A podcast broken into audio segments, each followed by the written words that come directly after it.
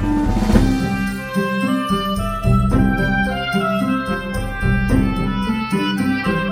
Welkom beste luisteraars bij weer een nieuwe kleine boodschap. En welkom Tim en Paul in jullie eigen podcast. Nou, niet meteen eh, doorspoelen of eh, uitzetten als je luistert. Je gaat eh, Paul en Tim zeker nog horen vandaag. Maar ik mag deze aflevering met hen, maar vooral ook voor jullie als luisteraars doen. Hoe wordt kleine boodschap gemaakt? Hoe werkt dat nou achter de schermen? Een podcast maken, starten, volhouden?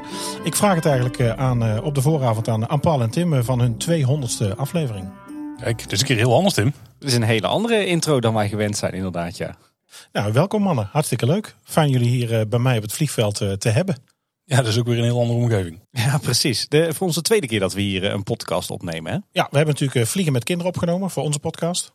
En dat is aflevering 14 volgens mij geweest van ons. Wij zitten nu op, nou ja, nummer 62 hebben wij vandaag opgenomen. Dus wij zijn nog zeker niet aan de 200. Even voor de bescheiden man aan de overkant. Ready for Takeoff, die podcast heb je het over. Ready for Takeoff, de podcast, de luchtvaartpodcast. Ja, alles over uh, luchtvaart, luchtvaartdienstverlening en uh, in het onderwijs. Ja, dus ben je luchtvaartgek, moet je, moet je naar ons luisteren. Zeker een aanrader. Ik luister jullie ook uh, iedere week. Ja, daar, nou, daar, komen we straks ook nog even op. Bedankt voor de plug, Paul. maar ehm, ja, we hebben natuurlijk, jullie hebben mij gevraagd jullie te interviewen. Het is natuurlijk gek om jezelf te interviewen.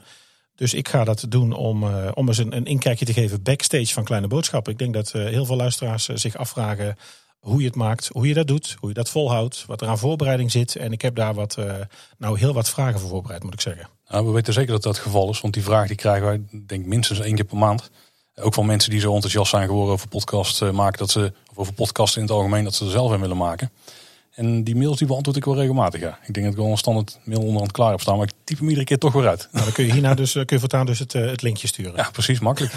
hey, hey Mark, voordat we beginnen, want ik eh, neem toch gelijk weer het roer over, dat kan ik niet nalaten. Ik pak het straks weer af. Jij vertelde al dat je de host bent van de podcast Ready for Takeoff, uh, maar dat is niet per se de reden dat je hier tegenover ons zit hè, en dat, dat wij jou kennen. Jij doet ook wel wat met het pretparkwereldje, toch? Ja, het, ik heb natuurlijk uh, ik heb iets met pretparken. Ik woon in Oosterhout, dat is natuurlijk vlak bij de Efteling. Ik heb van, van kinds af aan natuurlijk ook een abonnement. Uh, met de ouders natuurlijk ook altijd geweest. Zelf uiteindelijk als tiener naartoe gefietst. Zelf ook abonnement gehad. Natuurlijk nu drie kinderen in de basisschoolleeftijd. Dus we hebben er altijd graag gekomen. Uh, toch ook wel fascinatie voor, uh, voor Disney, voor de Efteling. Voor, we hebben het daar vaak over geappt, over het, over het escapisme er even uit. Hè, dat is wat we natuurlijk ook nu zo missen. Details, de kookspecial. Bij ons wel bekend, bij heb de luisteraars misschien ook. Heb ik natuurlijk bij ons op school hebben we, dat, hebben we dat opgenomen. Ik vond het leuk om die vier snacks, om de mannen daarmee te helpen. Die waren natuurlijk bezig om een kookspecial, of in ieder geval iets op te nemen met Disney Snacks. Toen dacht ik, ja, we hebben hier op school een, een hele keuken staan. Want ik was toen ook docent uh, horeca en luchtvaartdienstverlening. Dus dat hebben we, uh, we daar opgenomen. Dus ja, ja zeker fascinatie voor, uh, voor de amusementswereld. Voor iets, minder, iets meer dan Paul voor shows en theater. Maar in ieder geval ook... dat is niet moeilijk hoor. maar in ieder geval wel ja, de pretparkwereld, ja. Overigens, de reden dat we hier een bonusaflevering van maken, dat is, dat is niet voor niks. Wij zaten er van tevoren best wel over te dubben van, moeten we nou een, een aflevering over onszelf, uh, over kleine boodschap maken? We kunnen ons namelijk heel goed voorstellen dat er ook heel wat luisteraars zijn die zeggen, ik wil vooral uh, verhalen en nieuws over de Efteling horen. Uh, en het interesseert me weinig wie Paul en Tim zijn en hoe jullie dat doen. Nou, daarom hebben we dit dus uitgebracht als bonusaflevering. Wil je echt alleen Efteling nieuws, nieuws horen, dan, dan zou je deze over kunnen slaan. Maar zeg je nou, we willen echt eens wat meer weten over Kleine Boodschap als podcast? Blijf dan vooral luisteren. Ik denk dat we daar echt wel, ik denk dat ik dat echt ook voorbereid heb. Zo, dat is ook de insteek geweest. Um, echt dus backstage. We gaan echt kijken hoe jullie dat doen, hoe je dat aanpakt en hoe dat dan uitziet. En dat een mooi aanloopje naar uh, onze 200ste aflevering. Jammer genoeg zonder luisteraars deze keer. 150 was ook al zonder luisteraars. Dankzij het coronavirus uh, natuurlijk. en laten we hopen dat we aflevering 250 wel met publiek kunnen maken. Met onze luisteraars. Zoals we dat ook met onze honderdste aflevering hebben gedaan. Laten we het hopen. Mooi, mooi idee, mooi plan. Nou, voordat we nu echt de inhoud induiken en ik jullie mee achter het gordijn nemen bij, bij Kleine Boodschappen. Nou ja, voor, mocht je dit luisteren en je kent ze nog niet of je hebt nog geen enkele aflevering geluisterd. 30 december 2017 kwam de eerste aflevering online, heb ik even opgezocht mannen. 6 juli 2019 namen jullie al de honderdste op. Uh, met uh, Robert Jaap René. Uh, en waar zaten jullie toen? In het landhuis. Oh, het landhuis, ja. ja. ja. dus als je dat, nou, dat zullen ook nog vele mensen weten. December van uh, dat jaar werden jullie nummer 1 in de podcast op 19. Uh, de podcastverkiezing van de Nederlandstalige podcast, uh, podcastnetwerk. En deze maand zijn jullie 16 geworden in de podcastlijst aller tijden 2020. Waarschijnlijk door de vele luisteraars die daar fanatiek op hebben gestemd. Dank Terecht dus een, een, een top podcast. Nou, gemiddeld duurt een aflevering al snel een uur of 1 uur en 20 minuten. Dus we, we gaan kijken. We, zitten nu op 5 minuten 15. Dus we gaan even kijken hoe ver we, dat we kunnen komen. Het voelt als 4 uur per aflevering, wou je zeggen natuurlijk. nee, helemaal niet. Nou, ik heb wel met sommige afleveringen zijn naar Eindhoven, terug naar huis uh, en nog een keer naar Eindhoven. Als je in de auto luistert dan tenminste. Ja. Ik heb uh, voor de duidelijkheid en om het een beetje makkelijk voor Paul te monteren houden en te kunnen spoelen met, met hoofdstukjes hebben we een aantal categorieën met vragen. dat is handig om straks te kunnen springen in je podcast app. Um, en daar, daar, wil ik, daar geef ik een inkijkje in alvast. Maar ik kan natuurlijk nog niet zeggen wat we dan precies gaan doen. Spannend. we gaan het hebben over de geschiedenis van een kleine boodschap en het ontstaan. Zo beginnen wij meestal onze onderwerpafleveringen ook, ja. Dus daar heb ik, dat is niet voor niks. Uh, andere pretparkpodcasts. Uh, we gaan het hebben natuurlijk natuurlijk over de Efteling. Daar kunnen we niet omheen. Ook al zeg jij wel, Tim, het is niet echt Efteling nieuws. Dat gaan we niet delen. Maar we gaan het natuurlijk wel over het park hebben. Dat kan niet anders. Uh, we gaan kijken naar een stukje planning, opname, techniek, audio-kwaliteit en montage. medewerking van de Efteling, of die is en hoe dat dan werkt. kill your darlings en wat gewetensvragen. we maken even een klein uitstapje naar de buitenwereld. We gaan een blik werpen op de toekomst. En wellicht hoop ik een klein tipje van de sluier van de 200ste te ontfutselen. Ja, dan zijn we denk ik zo'n beetje, hebben alles het belangrijkste denk ik wel besproken. Dat is eigenlijk het, uh, het idee, zeg maar. Klinkt als een uh, bomvol programma, Mark. Nou, dat hebben we zeker. Het is, uh, we hebben best wel even, even wat te doen. En tussendoor jingles, dat hebben jullie natuurlijk normaal ook nooit. Ik heb een klein bumpertje voordat we gaan beginnen. Let op.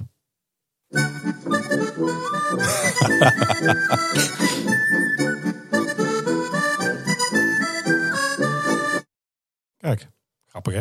Doet hij goed, eh, die Mark hè? Mooi hè? Hoe spannend is dit voor jullie? Je geeft toch iets uit handen nu eigenlijk? Je geeft toch een beetje een kind weg? Ja, nou, dat weten de luisteraars misschien niet, maar wij hebben dus zelf, in tegenstelling tot ongeveer iedere andere aflevering, helemaal niks aan voorbereiding gedaan dit keer. we hebben alleen besloten wie degene is die aan de andere kant van de tafel zou gaan zitten. En jij hebt eigenlijk alles voorbereid, Mark. Ja. Dus voor ons ook een verrassing. Dat was wel een keer lekker, moet ik zeggen hoor. Een keer helemaal niks te hoeven regelen voor een aflevering. Dat scheelde me zomaar een paar uurtjes. Om binnenlopen, kop koffie en gewoon uh, beginnen. Ja, ik heb geen podcasttas bij. Dat scheelt al een hoop. Dan altijd een hoop show. Oh, materiaal. Ja, daar komen we nog even terug straks. Leuk. Gewoon zitten en praten. Dat, uh, dat voelt relaxed. Zijn ze goed in. Goed zo. Hou dat vast. Dan krijgen we wellicht eh, de leukste, de leukste antwoorden. Um, hoe zijn jullie eigenlijk bij het onderwerp gekomen? Ik heb wel eens iets begrepen van Paul. Het is al vaker voorbij gekomen. Um, fora zoeken. Um, maar, maar, vertel nog eens een keer hoe die, uh, hoe die hosting en die co-hosting uh, tot stand is gekomen. En het idee om over de Efteling gaan podcasten. Ik kan het in ieder geval van, vanuit mij wel vertellen. Want uh, ik luister al heel lang podcasts. Ik, volgens mij voordat, het idee er al, voordat ik het idee had, ik denk een jaar of uh, zes, zeven, acht misschien. Toen ben ik eens gaan zoeken van zijn er dan podcasts over de Efteling. Want dat is een, een onderwerp wat mij wel aan het hart ging. En die kon ik eigenlijk niet vinden. Ja, buiten Ochtend en Pretparkland dan natuurlijk. Die, uh, die ben ik ook fanatiek gaan volgen op het moment dat ik daar ja, dat ik erachter kwam dat dat bestond. Je had wel een paar Amerikaanse podcasts die dan af en toe Bart de Boer of zo ergens spraken. Weet je wel, op een Japa-beurs of iets.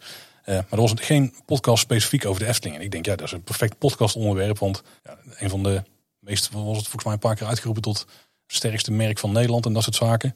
Uh, en natuurlijk iets wat gewoon bij ons in de achtertuin ligt, dat best bijzonder is. Ook gewoon de, de vorm van de Efteling is best bijzonder. Nou, daar hebben we al hele aflevering over gemaakt, hè, waarom we de Efteling zo ja. mooi vinden. Uh, toen, ja, ik zat zelf niet echt in die online scene. Ik, ik hoor van Tim wel eens altijd van die verhalen over wonderchatten, meetings en dat soort zaken. Wonder, het wereldwondere web. Of, ik, Wondere wereld. Ik was er in die tijd dus nog niet helemaal mee bezig. niet op dat niveau. Maar, pod, maar podcasten wel heftig. Ik bedoel, als je dus al acht jaar geleden, dat, toen was het in Nederland echt nog niks. Ik bedoel, 2014 hè, is het zo'n beetje echt een, weer opnieuw hier aan het licht gekomen. Ik bedoel, als je echt al zo lang luistert, dan ben je wel iemand van het, van het eerste uur bijna. Ik luister al langer. Alleen het idee voor die podcast is denk ik een jaar of anderhalf gekomen voordat we daadwerkelijk zijn begonnen. Want ik had niet echt iemand uh, om het mee te doen, zeg maar. Ik had wel bedacht van, waarschijnlijk werkt het het beste met z'n tweeën. Want ik luisterde veel van die Amerikaanse tech podcasts. En um, ja, daarbij was het gewoon iedere week wel nieuws bespreken. Af en toe een onderwerp dieper uit te lichten. En op die manier het behandelen, zeg maar. En met z'n tweeën gaat het toch veel makkelijker dan dat je alleen een monoloog zit te houden. Kan ik ook beamen inmiddels. Want die paar keer dat ik dat heb moeten doen voor een klein voorstukje. Dan is het toch heel pittig als je niemand tegen, tegenover je hebt. Um, dus toen dacht ik, nou, hoe, hoe, hoe kan ik zo iemand ontmoeten? En toen ben ik me gewoon gaan mengen in de online fanwereld. Vooral via Twitter eigenlijk. Ook een beetje via de fora. Toen al uh, toen met Tim in contact gekomen. Of tenminste in contact. Af en toe dan... Ik denk dat jij tweets van mij zag. Want jij hebt natuurlijk een besloten account. Ja, inderdaad. Ik heb inderdaad een, een privé Twitter-account. Daar zit een slotje op. Uh, en ik heb het, uh, het beleid tussen aanhalingstekens dat alleen mensen die in, in mijn echte real-life leven uh, vrienden van mij zijn, die mogen daarop meelezen. Maar jij was een van de weinige, Paul, waarvan ik op een gegeven moment dacht van nou, die kerel die kraamt zoveel zinnige dingen uit over de Efteling en andere onderwerpen. En hij lijkt nog aardig ook. die laat ik gewoon toe tot mijn Twitter-account. Dat is dan wel een beetje de, de oorzaak geweest van dit alles wat we nu hebben voor elkaar weten de boksen. een klein beetje mensenkennis van mijn zijde dan. Hoe zat, je, hoe zat dat bij jou, Tim? Want op een gegeven moment dat we elkaar ontmoeten, nou, daar, daar komen we dadelijk wel toe kwam bij jou een beetje dat idee? Had je er ook al langer? Daar hebben we het nooit over gehad. Nee, daar hebben we eigenlijk nooit over gehad. Kijk, ik, ik loop natuurlijk al best wel lang uh, mee in de Efteling fanwereld. Ik geloof dat ik vijf was uh, toen ik voor het eerst een abonnement kreeg. Dat was in 1991. Dus vandaar dat als ik het over jeugdsentiment heb, dan is, zijn dat vaak de vroege jaren 90. En ik geloof dat ik in uh, de zomer van 2000 bij het Efteling fanwereldje betrokken ben geraakt. Dus dat is inmiddels ook alweer 20 jaar geleden nou ja, die liefde voor de Efteling is natuurlijk in de loop der jaren steeds verder gegroeid en geïntensiveerd. Op een gegeven moment ook, uh, zeker toen ik in contact kwam met andere fans, uh, ook wel een liefde voor andere pretparken, themaparken ontwikkeld. Ook voor Disney en dergelijke. Ik ben toen een paar jaar betrokken geweest bij onder meer Wonderchat, het Wondere Wereldweb. Heel veel gepost. Ik ben ermee gestopt toen ik bij de Efteling ging werken. Dat was in 2002.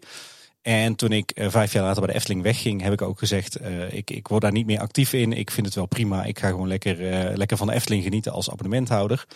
Ook redelijk vroeg begonnen met, met Twitter. Daar veel bekenden van de Efteling toch alweer toegevoegd. en dus op Twitter wel verzeild geraakt weer in allerlei discussies en gesprekken over pretparken en met name de Efteling. en op een gegeven moment kwam er Parkcast, de podcast van, van Erwin Taats en, en zijn vrienden over de pretparken. Uh, die ben ik meteen gaan luisteren. Ook geen enkele aflevering gemist in al die jaren. Op een gegeven moment werd dat uh, Ochtend in Pretparkland. En ik heb die altijd met heel veel plezier geluisterd. Lange tijd was dat wel de enige podcast die ik luisterde. Ja, wat natuurlijk op dit gebied ook was, eigenlijk. Ja, ja inderdaad. Nee, was er toen eigenlijk, nou ja, was er niet. Nee, nee, maar ik heb toen in de jaren ook nooit andere podcasts over andere onderwerpen geluisterd. Of, of Amerikaanse podcasts of zo. Uh, altijd met heel veel interesse uh, geluisterd. Wel vaak het gevoel, als je dan in zo'n zo'n podcast zat te luisteren, dat je mee wilde praten. En dat je ook wat wilde zeggen. En oh ja, eigenlijk wil ik dit nog Schreeuwen naar je boksen. Precies, dat ja. op een gegeven moment uh, details gaan luisteren. maar dat was eigenlijk vlak voordat dat wij begonnen met, met podcasten, Paul. Ja, en tot wij dus op een gegeven moment uh, op Twitter toevallig in een, uh, in een gesprek verzeild raakten over uh, Strookrijk, hè, de oostelijke uitbreiding van, van de Efteling. en nou ja, dat, volgens mij hebben wij een hele avond over en weer zitten schieten met ideeën en bezwaren en, en uitdagingen. tot een van ons volgens mij riep van, dit is zo'n interessant onderwerp, daar zouden we een podcast over moeten maken. Dat was jij. Was ik dat? Nou ja, dat is volgens mij een beetje de start geweest van, van Kleine Boodschap. Dus nee, ik heb, ik heb nooit echt de, het plan gehad om een podcast te beginnen. Maar wel altijd eh, gefascineerd geweest, eh, natuurlijk door de Efteling en ook wel door pretparkpodcasts. Nou, ik vind het wel bijzonder te noemen als je ziet dat je dus een eerste podcast opneemt meteen over zo'n onderwerp. Is, weet je, het is dus niet iets frivols of we gaan het niet hebben over de liefde voor de Efteling of we gaan het niet hebben over de Efteling in het algemeen. Nee, we duiken gelijk bestemmingsplannen in. En uh, het, het kenmerkt natuurlijk ook wel jullie podcast nu. Hè. Het is ook iets wat je bij jullie kunt vinden en waar je terecht kunt als je iets wilt weten.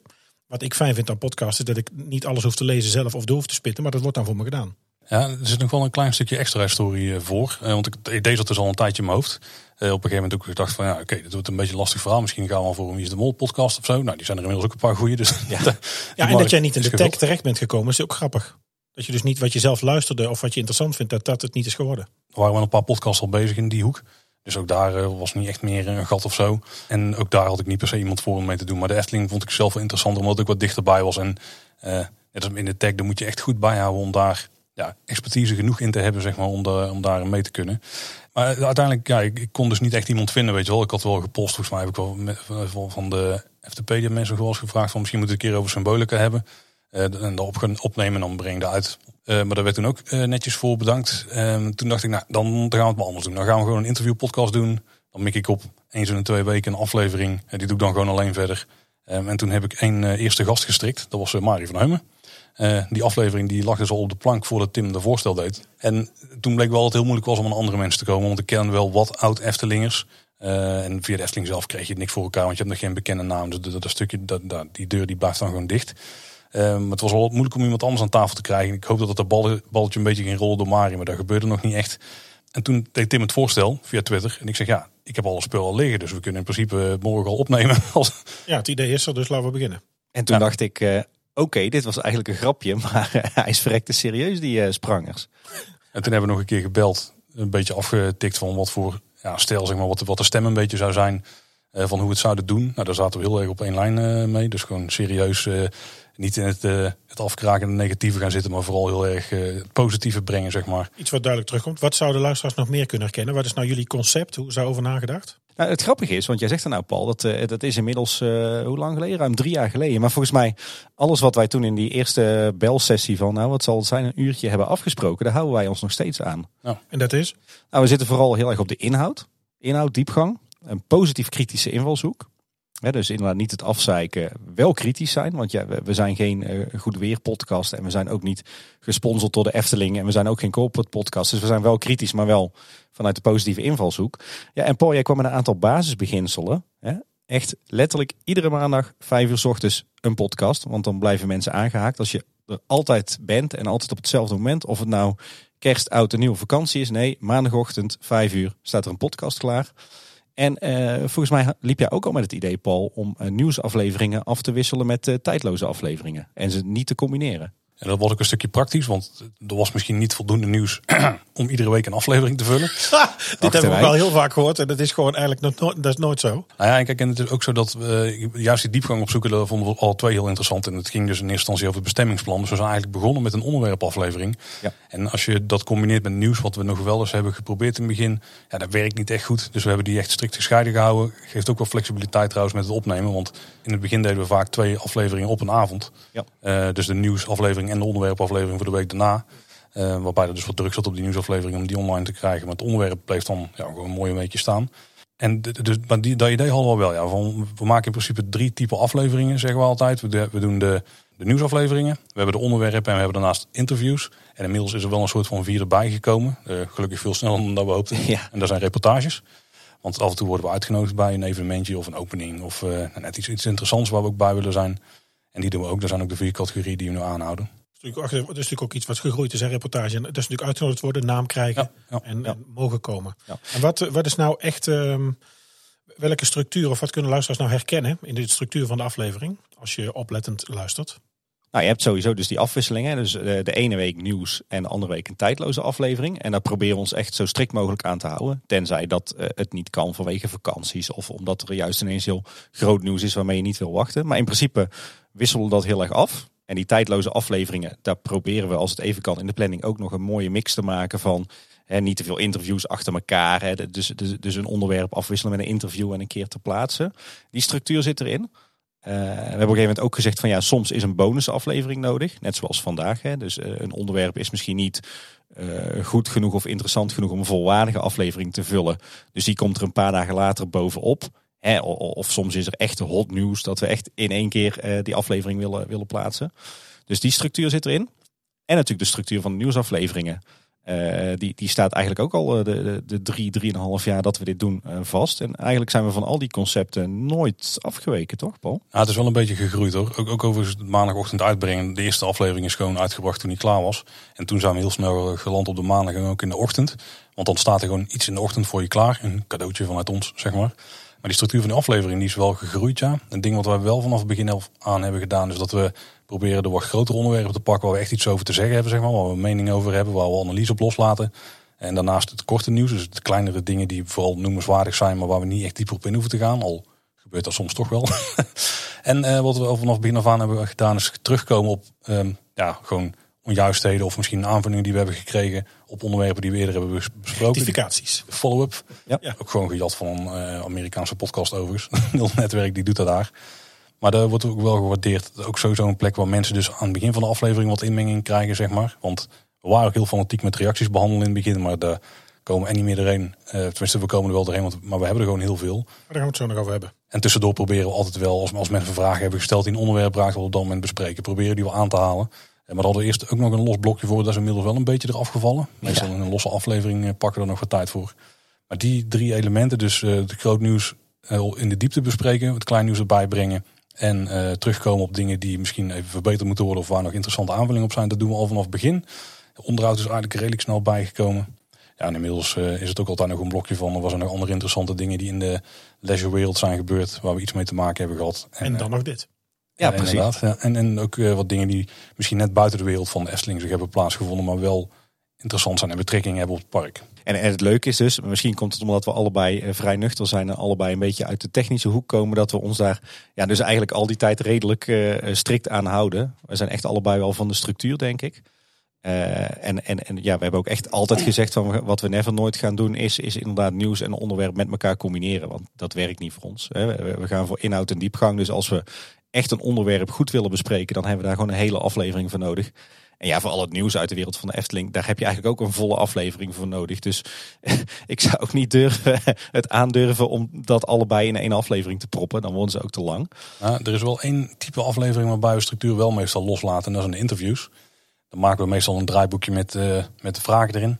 En die vragen die willen we allemaal wel behandelen. Ja, dat loopt zoals het loopt natuurlijk. Het ligt een beetje aan wat iemand antwoordt, hoe je verder kunt. Ja, we vragen vaak uit interesse gewoon door. En dan blijkt je onbewust gewoon al vragen te hebben gesteld die dan een stuk later weer tegenkomen. Meestal het laatste derde van het draaiboek hebben we per ongeluk al afgehandeld. Ja. Tegen de tijd dat we daar zijn, zeg maar. Dan denk je, oh, we moeten nog uh, de helft van de vragen. Oh, nee, wacht, die hebben we allemaal gehad. Over tien minuten zijn we waarschijnlijk al klaar. Herkenbaar. Maar ja, het grappige is dus eigenlijk dat ons concept wat dat betreft in uh, die drie, drieënhalf jaar tijd uh, eigenlijk amper is veranderd. Heel constant is. Nou, ik denk wel dat het dus voor herkenbaar, echt, herkenbaarheid echt te goede komt. Voor je, voor je eigen structuur. Het is dus een echte kleine boodschapaflevering. Je, je zult horen nu, dit, dit is een andere. Dit is anders. Ja, ja. ja dat is gewoon Misschien zo. ook wel een keer lekker uh, voor de luisteraars. Jullie zijn begonnen met een, uh, met een zwart-wit logootje. Van het, het Huis van de Vijf Zintuigen met een twinkeltje erin. Oh ja, zo, die was ik weer vergeten. Ja. Het is inmiddels is het een, een echte, vind ik, Eftelingse microfoon. Uh, wie heeft dat gemaakt of bedacht? Hoe is dat gekomen? Dat is een vriend en toenmalig collega van mij, Jorg Dam, heeft die gemaakt. Ja, ik, het is, het is ongelooflijk treffend. Als je kijkt naar de, de, de, de sierlijkheid is echt Eftelings. Het zou gewoon, als je het ergens zou aantreffen op het Antropiekplein op een pand, dan zou het eigenlijk niet eens opvallen. Dan zou je denken, het hoort er te staan. En, uh, en natuurlijk de microfoon is natuurlijk leuk. En anders dan de ingang, dan natuurlijk die, die vijf zintuigen erop. Ik vind het wel, het was op, ik had het niet eerder gezien, moet ik zeggen, dat ik nu ging voorbereiden. En ging kijken door wat heb je nu gemaakt, hoe heeft het er in het begin uitgezien, hoe klonk het in eerste instantie, hoe klinkt het nu. En uh, dan zie je eigenlijk nog het oude logo. Het logo is wel interessant, want we hebben de naam bewust gekozen dat daar niks in zat van praten of, uh, of wel communiceren dan. Want dat is natuurlijk wel een onderdeel van wat we doen. Maar om het een beetje open te houden wat we kunnen doen. Want we hebben ook een YouTube kanaal, daar gebeurt niet heel veel op. Er staat wel één hele video op en er waren wel plannen voor nog twee andere. Uh, maar daar hebben we dankzij de coronacrisis ook nog geen tijd voor gehad. Maar wel dat het wel meer kon zijn dan alleen de podcast. Terwijl het logo daar wel weer heel specifiek doet. Ja. Dus daar hebben we een beetje onszelf misschien in de voet geschoten. Maar nog steeds, herkenbaar is het wel inmiddels. Ja, ja, weet ik niet. Aan de andere kant is denk ik ook wel typisch iets voor ons dat we ons vooral op die core business focussen en er niet te veel bij doen. Hè. We, we hebben de podcast en we zijn redelijk actief op social media. Maar dat is het dan ook wel. Ja. Nee, de podcast mag nooit leiden onder andere initiatieven die we doen. Nee, maar ik vind wel dat het logo echt ook um, Efteling uitstraalt. Je ziet zonder dat de Efteling wordt genoemd in principe eigenlijk in je naam of logo. Kijk, kleine boodschappen. Hè. Je, je moet het, nou laten we zeggen, het is natuurlijk een soort inside joke bijna. Zeker. Ja, toch? Maar, maar, maar het is wel, je ziet het wel meteen. Het, is, het, het past echt naadloos, vind ik. Het grappige is ook, we, we hebben natuurlijk microfoons met een plopkap. En op die plopkappen zijn blauw, daar staat ons logo op. Um, en als je dus in het park rondloopt, wat we ja, eigenlijk steeds vaker proberen te doen, echt op locatie op te nemen, dan zie je ook dat mensen het herkennen. Dan denken ze van, oh, wat lopen daar twee, twee gekkies met een microfoon en een koptelefoon op. Maar ons logo is wat dat betreft best wel krachtig. Dus, dus complimenten voor Jorg. Want ja, mensen herkennen je gewoon van, oh ja, dat is Kleine ja. Boodschap. Is het nou een echte typische Brabantse podcast? Ja, dat denk ik wel. Waarom ja, dan? zeker. Is dat, ligt dit dat in ons accent? Ja, tenminste, ik doe niet de moeite om die te verbloemen. Ik hoor wel dat als we af en toe heel enthousiast worden, dan komt het er nog meer in. ja, dat is vaak. Ja, daar val je terug. En het is ook wel, misschien, ik weet niet of dat dan typisch Brabants is, maar het positief kritische, dat is wel een beetje wat ik bij Brabanders zie, zeg maar. Het zijn niet altijd van die sikke neuren, die zijn altijd wel, als er eens lol te halen is, dan zien ze daar er wel van in. En uh, dat doen wij ook zeker. Brabantse gezelligheid. Ja. Precies, ja. Nou ja, inderdaad. Het genieten, het, het hedonisme. Uh, inderdaad, de zaken niet per se te serieus nemen. Hè. We zijn wel serieus en we zitten wel op inhoud. Maar het is eigenlijk altijd wel gezellig als wij uh, onze podcast opnemen. Ja, en we eindigen natuurlijk met, met de bekende Brabantse uitroepen. Ja, dat gaan we nou nog niet doen, want dan denken mensen dat het stopt. Hè. Dat is ja, ook, het laatste. Ook daar is een beetje organisch erin gegroeid. Wat dat betreft hadden we daar geen plan voor. Voor het openen en het sluiten. En overigens, de kleine boodschap als naam is ook wel wat dat betreft meermaals dubbelzinnig. Want uh, kleine boodschap naar boodschap gaat ook over communiceren. Dat doen we dan via de microfoons. Ja, klein lukt alleen niet. Klein is die allerminst. Nou, hij, is klein, hij is niet klein qua lengte, maar wel klein qua het hoeft niet serieus te zijn. Weet je wel, ja. er hoeft niet heel veel boodschap in te zitten. Um, als het maar, daar, daar zit het gezellige, zit ook een beetje impliciet in de naam.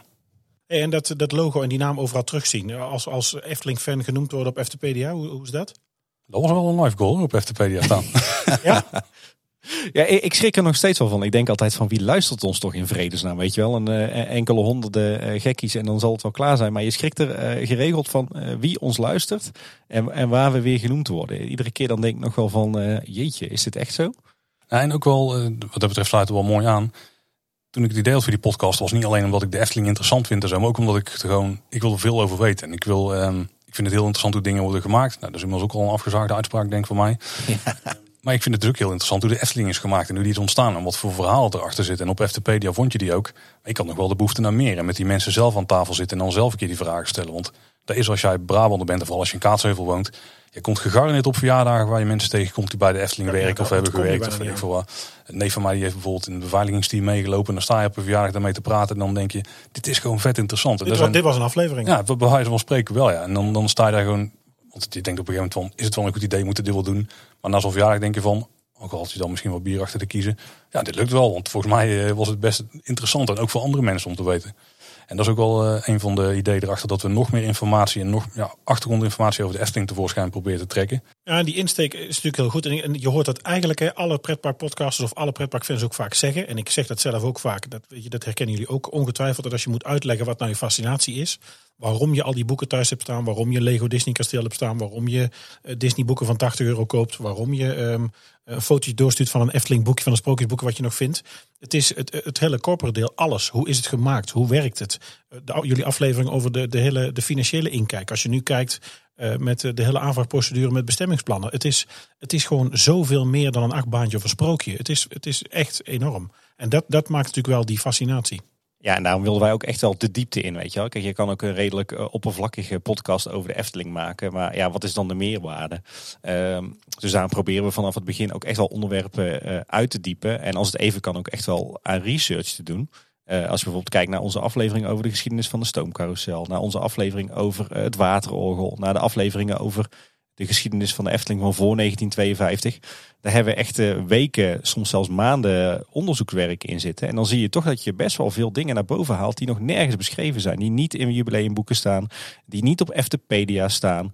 eh, die soms foutief eh, eh, op Eftepedia of in de jubileumboeken staan omdat je dus die research gaat doen. Ja, en dat is toch ook wel tof als je een klein beetje bij kan dragen aan die geschiedschrijving van de Efteling. En wat ook een groot voordeel is van de podcast die wij maken en de plek waar wij wonen. En dan inmiddels de band die we hebben met de Efteling. Dit is een van de weinige, tenminste misschien is het heel erg zelfbevlekking. Maar het is een van de weinige pretparkpodcasts waarbij we echt nieuwe informatie naar boven kunnen halen. Want als jij Disney beschrijft of Universal is nou ook een podcast over. Robopark gaat het ook nog wel enigszins. Dan is het moeilijk om de mensen aan tafel te krijgen die echt iets kunnen vertellen over hoe het is gegaan. Ja, ik denk met name dat, da- en daar gaan we het zo meteen nog over hebben. eh, andere pretparkpodcasts en ook zeker jullie contact met Efteling. Maar ik denk dat dat ook het verschil maakt. Want andere pretparkpodcasts moeten het doen met echt alleen een communicatieafdeling. Of met echt alleen wat communicatie loslaat en verder helemaal niks.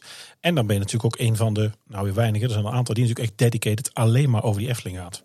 Ja, dus die focus, daardoor krijg je heel veel nieuws naar boven. En we hebben ook wel eens afgesproken dat wat we in principe niet willen doen, is afleveringen maken waarbij we gewoon FTPedia opleveren. En kijk, soms ontkom je er niet aan voor een deel van de aflevering. Want ja, een stukje historie, ja, daar pakken we ook FTPedia erbij, dat is logisch.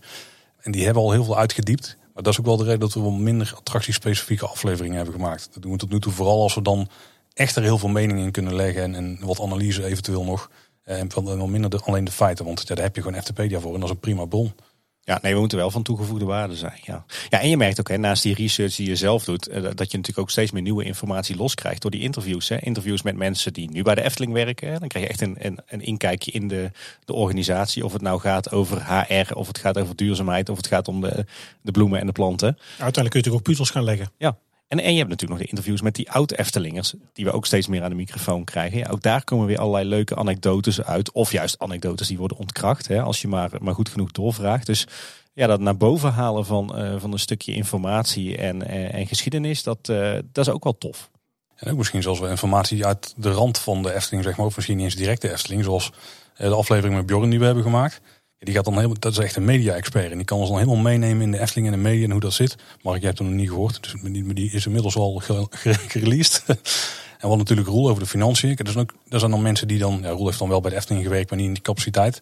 Maar die ook heel veel van een specifiek onderdeel weten... Wat, ja, waar de Efteling ook heel veel mee te maken heeft. En het kan ook wel interessant zijn om misschien een keer een theater expert aan tafel te hebben. Of misschien iemand die heel veel weet over gewoon verblijfsaccommodaties, maar dat misschien niet bij de Efteling heeft gedaan. Maar die wel weet hoe, hoe de Efteling toen ze die markt opgingen, zeg maar, in één keer hebben het gepositioneerd en wat er uniek aan was.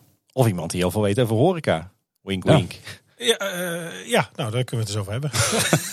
Laten we eerst even deze afwerken. Ja. Ik heb ook eh, een aantal eh, producers van de show, zoals we dat dan noemen. Ik heb ook wat, wat ingestuurde vragen voor jullie. Eh, ja, Oeh. die, die vuur ik af en dan eh, horen we natuurlijk gewoon graag eh, antwoord. En die mensen zelf ook. Goed, Ja, zeker. spannend hè? Ja. Komt ie. Ja, hallo, liebe Leute. Hier een, ja, zeg maar, oude bekende, die jullie misschien wel kennen. Van zijn optredens uit een mooi park in het Brabantse land. Ja, lieve luisteraars van Kleine Boodschap. Super toll dat ik hier ook even, ja, zeg maar, mijn steentje bij mag dragen. Paul en Tim, jullie maken natuurlijk hele mooie podcasts. Zeg ik dat goed? Ja, podcast. Ja. Eh, maar ik was benieuwd eh, of jullie zelf ook podcasts luisteren. Wat een moeilijk woord is dat toch. En of jullie daar misschien daar ook een voorbeeld van hebben. En waar ik ook benieuwd naar ben, is waar jullie je inspiratie vandaan halen. Hm? Uit welke pod- post- podcast halen jullie je inspiratie vandaan? Nou, dat was mijn bijdrage. Wordt heel gezellig, Mark. Mark Beckens, die heeft me dat even gevraagd om in te spreken voor jullie. Heel veel plezier. En ik ga hem luisteren. De kleine boodschap. Dag Paul, dag Tim. Groetjes van mij. Tschüss. Wat verdorie, Mark. Nou Jurgen, hartstikke bedankt. Ik eh, zit hier met open mond. Dit is echt een verrassing voor ons. Och, en we zijn er nog niet. Ik luister heel veel podcasts. Zal geen verrassing zijn, denk ik. Nee, jij zei dus al acht jaar. eh, Voordat je begon hè? Het zal inmiddels 12 jaar zijn, denk ik, of zo. Ik ben ooit begonnen met heel veel eh, podcasts over videogames luisteren. Van IGN, die maakte die toen heel veel. Die waren daar redelijk vroeg bij. Eh, maar de laatste tijd is het eigenlijk vooral eh, ja, de tech podcasts. Waarbij mijn favoriete, die ik sowieso iedere week luister, Accidental Tech Podcast is, ATP. Dat is wat dat betreft wel qua structuur een beetje een voorbeeld van hoe wij het nu ook doen. De Talkshow, dat is de podcast die bij Daring Fireball hoort van John Gruber. Dus een andere, die heeft iedere week een andere gast aan tafel zitten. Maar dat gaat ook altijd over tech. En daarnaast natuurlijk heel veel van de pretpark podcast in Nederland. Die ik iedere week luister is sowieso eh, details. Als er iets is vanochtend in pretparkland wordt daar geluisterd. Eh, Team Talk luister ik iedere week. Eh Afterpark Lounge luister ik iedere week. En tegenwoordig ook de Upload podcast. Die ehm, sla ik nooit over als die er zijn. Ehm, ik luister jullie podcast. Dus Ready for Takeoff ook iedere week. Ik luister nou ook de podcast van Bjorn. Daar ben ik best wel fan van geworden. Die ben ik gaan luisteren voordat hij bij ons aanschoof. En daar heb ik eh, alles van geluisterd. Dat is eh, Daar blijf je voor thuis. Die is heel tof. Dat gaat over het oude televisieprogramma's die in de jaren 80, begin jaren 90 zeg maar heel populair waren. Onze tijd. Ja, dan, weet je, dan merk je ook Ja. wel echt aan hoeveel hun ervan weten. Zeg maar. Dat is echt, eh, echt heel tof. En een, een trip down memory lane. In jouw podcast app. Maar jij bent ook een van die mensen die het eh, soms op eh, dubbele speed luistert hè? Ik eh, zet hem op ongeveer ja, 1,3 eh, snelheid, denk ik. En ehm, dan knipt mijn podcast app ook nog de pauzes ertussen uit. Dus als er stilte valt langer dan 2 10 seconden of zo, dan eh, maakt hij die 2 10 seconden en dan gaat hij door. Dus meestal luister ik zo anderhalf keer sneller dan, dat, Effectief. dan de tijd die er bestaat. Eh, oh ja, de 99% Invisible is misschien wel een van mijn favorieten. Ook wel een voorbeeld voor een bepaald type aflevering wat we ooit eh, willen maken. Het gaat over heel veel wisselende onderwerpen, vooral architectuur, maar vooral weer over dingen zijn gemaakt. Dan kun je het hebben over eh, pilasters en poeren en eh Nee, nee, nee, zo gaat het niet. Dat gaat echt over en, interessante eh, oh, verhalen. Oké. Niet- Niet wat Tim altijd roept. Go- Goed opgelet, eh, Mark. Nou, nog, een favoriet, nog een favorietje Behind the 60 Minutes over escape rooms. Die ook eh, onze vriend van de show Yves maakt. Eh, de Wie is de Mol podcast. De Loopings podcast. Eh, man man man luister ik ook. De Panic podcast. Dat is van een eh, clubje mensen die software maken. Die zijn de uitgevers van die Untitled, de Untitled Goose Game. Ja, was heel populair eh, in 2020. Eh, maar die maken eigenlijk gewoon software. Daarom volg ik hen. Die hebben ook altijd interessante verhalen. Team Park Science, de podcast. Vroeger ehm, Team Parks Backstage. En uiteraard, ik mag hem niet vergeten, Trust Nobody. Die luister ik ook wekelijks als hij er is. Dat zijn een beetje de, de dingen die ik altijd volg. En daarnaast pik ik van een andere podcasts gewoon nog van alles uit. Maar die ga ik niet allemaal opnoemen, want er zijn denk ik volgens mij zo'n 180 in mijn lijst of zo.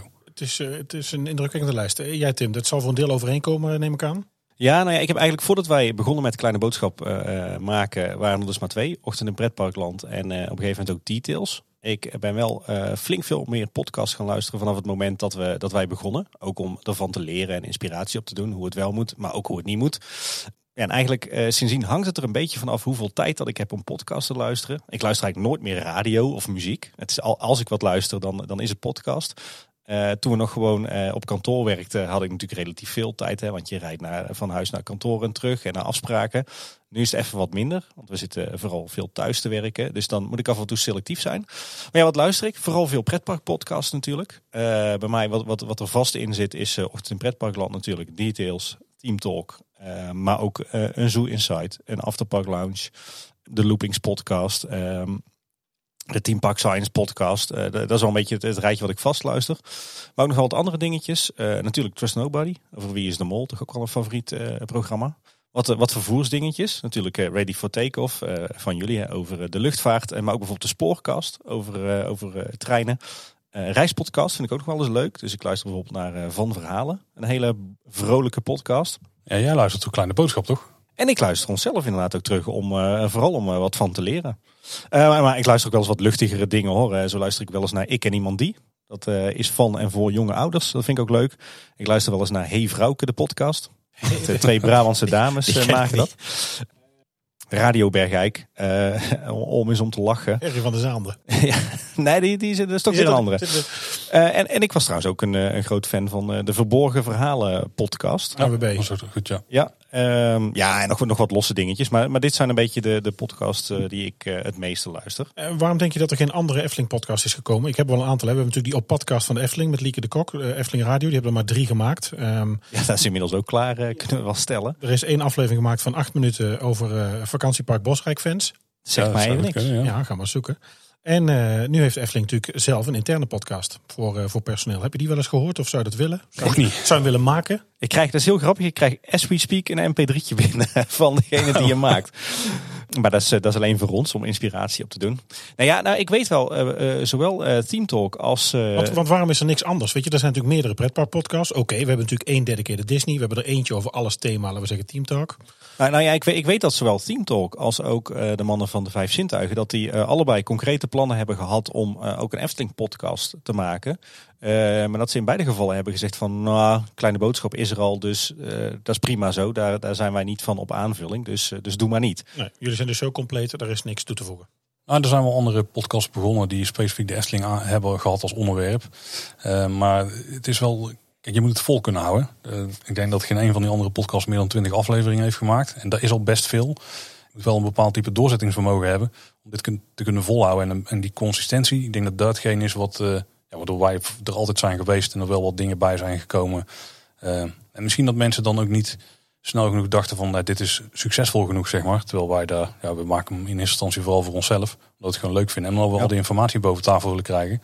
En eigenlijk ook wel stiekem een reden om er een beetje in te, te moeten duiken bijna. De stok achter de deur eigenlijk om dingen uit te zoeken. Nou, ik vind het wel goed. Je noemt nou een aantal dingen wel. Hè? Dus, dus als het gaat over tips voor iemand die ook zou willen beginnen. Of als je denkt, goh, hoe maak je nou een podcast en wat is nou belangrijk?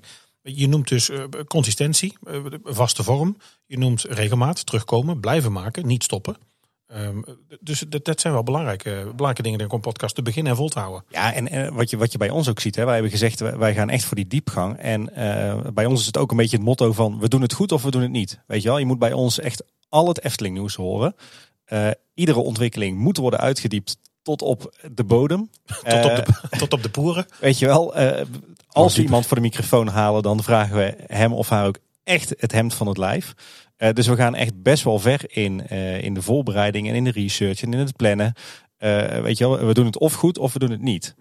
En dat kost stiekem super veel tijd en is ook best wel vermoeiend. Dus ik kan me ook voorstellen dat dat mensen wel afschrikt. Weet je wel, ik, ik denk dat je er nog versteld van zou staan hoeveel tijd er kruipt in, in zo'n onnozel podcastje. Dus. Ja, noem eens. Het zou iets zijn voor straks bij planning en opname. Wat, wat kost een gemiddelde aflevering aan voorbereidingstijd? Dus laten we zeggen, het is 1 uur, 1 uur 20 opnemen. Hè? Dat is een beetje gemiddeld, zeg maar. Nou, wat, wat zit er aan tijd vooraf in voordat dat zover is? ja, aan, aan de voorkant, dat, dat, ligt er een beetje aan. Kijk, uh, een nieuwsaflevering, uh, om die samen te stellen, hoe dat, dat dan werkt, daar zullen we het straks misschien nog wel over hebben. Maar ik denk dat daar dagelijks gemiddeld een uurtje in kruipt. Dus nou ja, stel dat je uh, eens in de twee weken een, nieuwsaflevering maakt, dan, dan zit daar uh, 10 tot 15 uur voorbereiding in. En een, een interview, ja, dat gaat van een uurtje vragen bedenken tot, bij wijze van spreken, maximaal vijf uurtjes. maar een onderwerpaflevering, ja, dat kan alle kanten op gaan. Hè. stel, we hebben een heel simpel onderwerp als praktische tips voor een drukke dag in de Efteling. Dan ben je daar met een uurtje wel mee klaar. Eh, maar ga je kijken naar wat meer de, de research afleveringen. Dus de geschiedenis van de Efteling van voor 1952. eh, de, de geschiedenis van de stoomcarousel. Nou, noem zo nog maar een paar eh, klassiekers uit ons repertoire. Ja, daar gaat soms weken, maanden voorbereiding in zitten. Dan wil je die uurtjes echt niet optellen hoe lang je daar stiekem mee bezig bent. En je neemt je altijd vol van, nou, daar, daar ga, ik, eh, ga ik een paar uurtjes aan besteden. Maar dan vind je weer wat, eh, wat leuke dingen. Die moet je dan weer gaan uitpluizen. Dan haal je er weer een boek ergens bij. Dan ga je nog wat meer navragen. Nog wat meer kaartmateriaal. En, zo, uiteindelijk, zo loopt het uit de hand. en uiteindelijk kost het weer eh, veel te veel tijd. Maar eh, nee, in de voorbereiding eh, zit, zit stiekem heel veel tijd in. Dan hebben we het nog niet eens over het hele logistieke proces van de planning. Dat is ook een uitdaging Daar gaan we het zo nog over hebben. En die, ehm, nou, je zei al wat je dan zelf luistert. Hè? Je, Jurgen vroeg dat. Maar eh, als je nou kijkt naar andere podcasts. Kijken naar elkaar. Is er een soort club van vijf van Pretpark Podcast? Ja, Ja, eigenlijk zeker. wel. Ja. ja, kijk, Details was een beetje, die heeft dan weer aangezwengeld. Kijk, Ossie de Pretparkland, die was er altijd. Zo voelt het bijna, weet je wel. En daarvoor was Parkkast natuurlijk. Eh, maar toen kwam Details en dat was eigenlijk de eerste die met enige regelmaat afleveringen uitbracht. Toch Gewoon bijna het hele jaar door. Die hebben in principe altijd wel een zomerstop. Maar verder is er ook in principe iedere week een aflevering van. Dus met Details en Ochtend Pretparkland, dat, was, dat waren een beetje de twee wat meest begonnen. Nou, volgens mij toen Details een aflevering, ik denk die bijna een jaar bezig waren, toen zijn wij gestart. Dat zal niet heel veel schelen. Die lopen al een aflevering op 50 voor. Ja, we zijn aan het inlopen. Want we brengen iets vaker dan één keer per week gemiddeld iets uit. En eh ja, Team Talk is gestart, ik denk anderhalve week na ons of zo. Die hadden dat idee ook al langer, eh, maar da- daar liep redelijk gelijk op. En eh, ja, wij zijn met z'n vieren, hebben we redelijk veel contact. Ja, En wij hebben daarnaast los hebben we nog contact met eh, bijvoorbeeld de mannen van Esther Park Lounge. eh, en de vijf zintuigen, dat kunnen we als één zien, denk ik. Ehm, ik heb ook contact met de mensen van Upload Podcast. Die heeft mee contact met de mensen van Zoo Insight. En eh, dan hebben we ook nog natuurlijk eh, het Team Park Science, eh, de podcast. En de- voorganger daarvan, daar hebben we ook weer een gro- groepje mee waarmee we contact hebben. Ik schrik er altijd van als ik mijn telefoon erbij pak en ik open WhatsApp. Dan heb ik eh, nou misschien wel 10 of 15 eh, groepsgesprekken met collega-podcasters of vloggers of eh, eh, websitemakers. Allemaal uit dat pretparkwereldje. En je moet je voorstellen als er dan iets spannends gebeurt in de Efteling, dan, dan lopen die groepsgesprekken ook allemaal vol. Dan denk je van, oh, ik heb eh, 72 nieuwe berichten in, eh in iedereen- 14 iedereen meldt verschillende apps. Ja. Ik heb altijd dat ik dan een keer mijn telefoon open en dan zie ik gewoon tien keer Tim Hinsen staan. Die dan in al die groepen heeft gereageerd, zo binnen één minuut. Nee, we hebben zeg maar, het vaste clubje is inderdaad eh, Ochtend in Pretparkland, Details, Team Talk en Kleine Boodschap. Dat is, dat, dat, is één hecht groepje.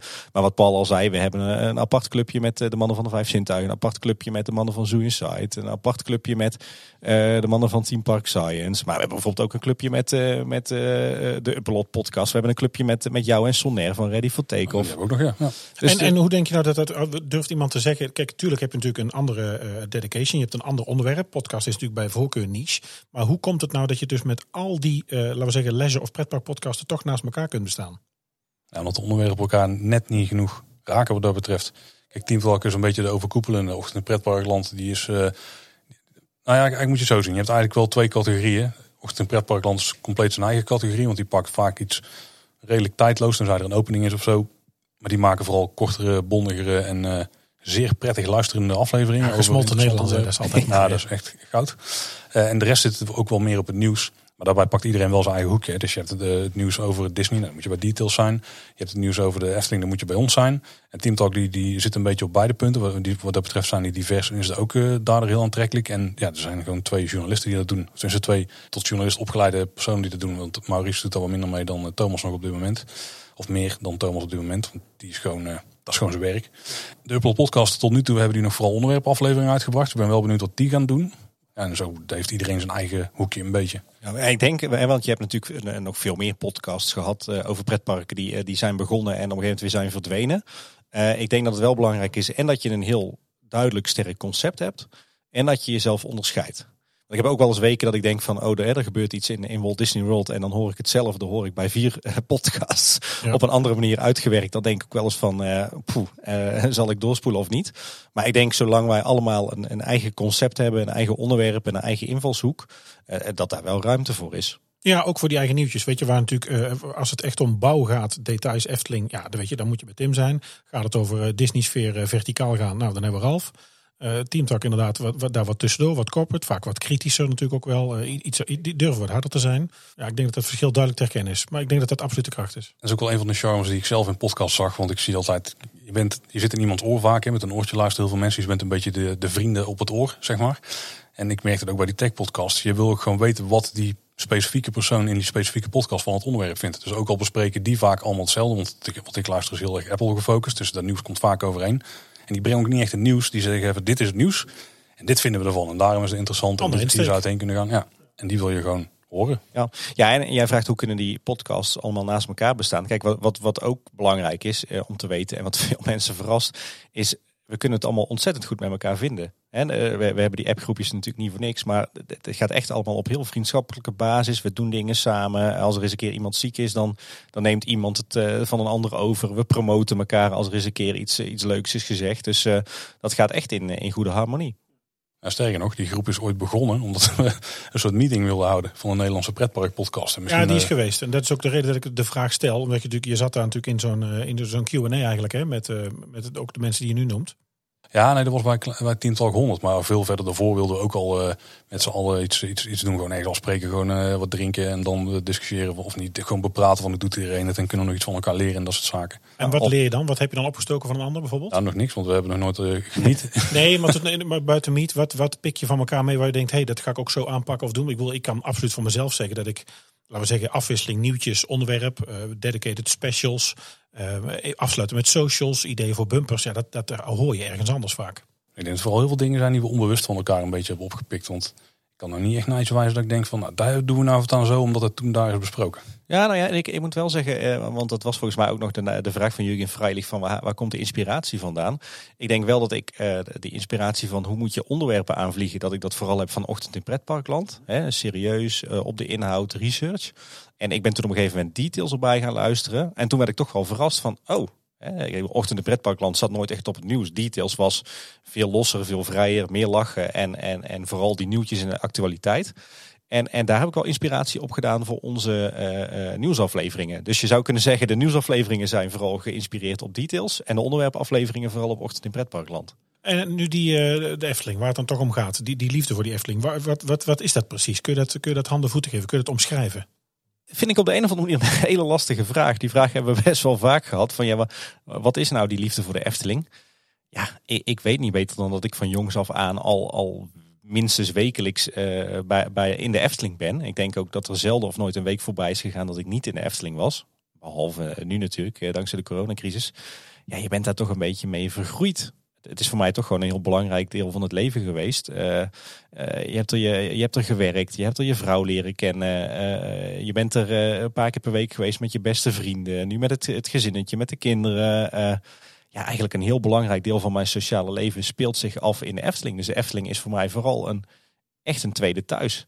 Ja, en, en ja, daar, daar ben je op zo'n manier mee vergroeid dat je er ja, toch ook een soort van liefde voor hebt en betrokkenheid. En ja, ik ben een gezinslid, een tweede thuis. Paul, voor jou hetzelfde? Nee, voor mij is die fascinatie voor de Efteling echt heel erg in het feit dat daar iets is wat gemaakt is door mensen. Dat, alleen dat al vind ik super interessant. Alleen maar om andere mensen te vermaken. Want als er niemand vermaakt wordt in de Efteling en er komt er niemand en dan wordt er geen geld verdiend. En dan blijft de Efteling, eh, die houdt dan op te bestaan uiteindelijk.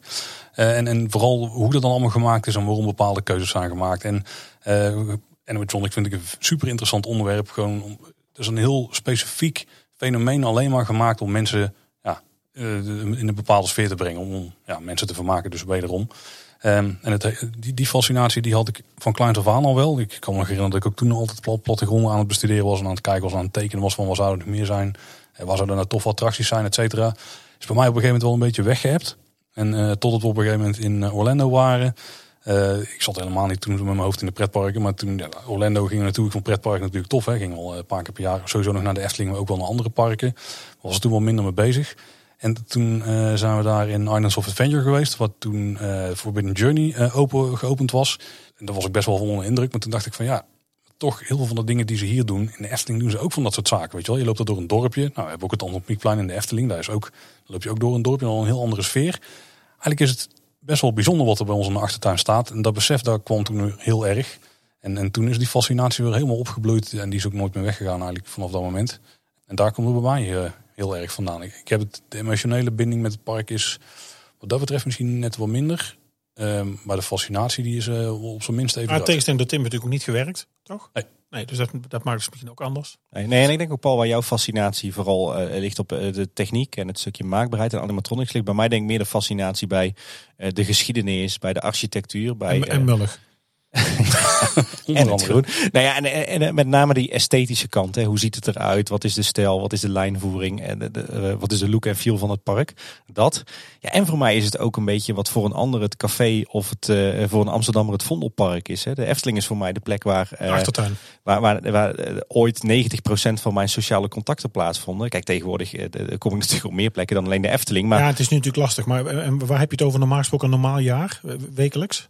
Eh, nou, ik denk dat ik gemiddeld genomen eh, anderhalve keer per week wel in, eh, in de Efteling ben. En ook nog eens een keer een middagje of een ochtendje in een van de verblijfsaccommodaties.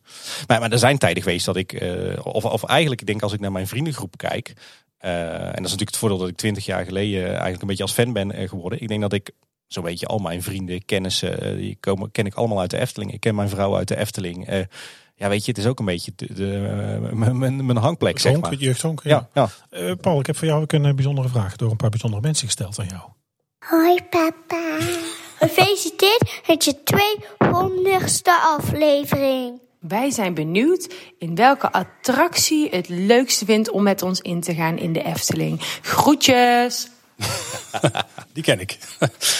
Ja, met de kinderen en, en een vrouwlief. eh voer, ik denk op dit moment dat het eigenlijk symbolica is. Ja.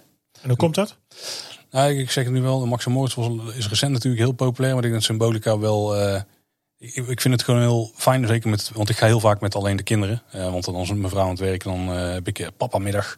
En dan, dan is de Efteling gewoon een heel mooie plek om naartoe te gaan. Ook omdat het inderdaad een beetje ons vondelpark is. En met zo'n abonnement, ja, dan voelt het alsof dat je er voor niks heen kunt, zeg maar. Eh, dus dan gaan we bijna wekelijks erheen. En dan eh, in Symbolica zitten, voor en in zo'n eh, fantasievader. Kind links, kind rechts, armen eromheen. En dan eh, de helft van de tijd vooral naar hun kijken hoe hun het ervaren. En iedere keer weer verwonderd zijn daar, daar binnen. Ja, dat vind ik echt wel, wel goud. Ja. Ja, dat is dus ook herkenbaar. Dat zeggen dus veel ouders. Hè. Dat hoor je eigenlijk iedereen. Dat heb ik Ralf Michiel ook al eens horen zeggen. Dat door de kinderen ontdek je weer andere dingen. Ga je weer anders kijken. Ja, ja, Ja, zeker. Sinds dat wij kinderen hebben, kom ik ook veel vaker in de Efteling dan voorheen. En wat vinden zij nu van die eh, uit de hand gelopen hobby, zeg maar? Nou, zij, Bij de gezin. Ze zeggen af en toe van, eh, moet je weer werken bij de Efteling? Dat vragen de kinderen nu, ja? ja, ja, als we weer een interviewtje mogen doen of Ja. we hebben een opening of zo.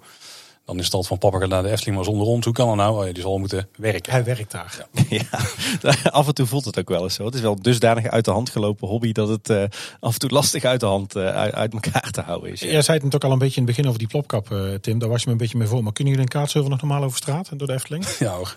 In Kaatsheuvel wel. In de Efteling valt het me wel op, eh, of dat valt met name Anne dan op, dat, eh, dat het geregeld voorkomt dat mensen elkaar aanstoten en staan te wijzen. Van, oh, dat is toch de nier van eh, Kleine Boodschap. Dus het, het komt eigenlijk zelden of nooit meer voor dat ik een dagje in de Efteling ben of in een ander pretpark en dat me dat niet overkomt. Nee, in de Efteling zelf is het wel iets meer. Ik heb ook wel eens gehad, we stonden gewoon in een rij voor een stroopwafel of zo.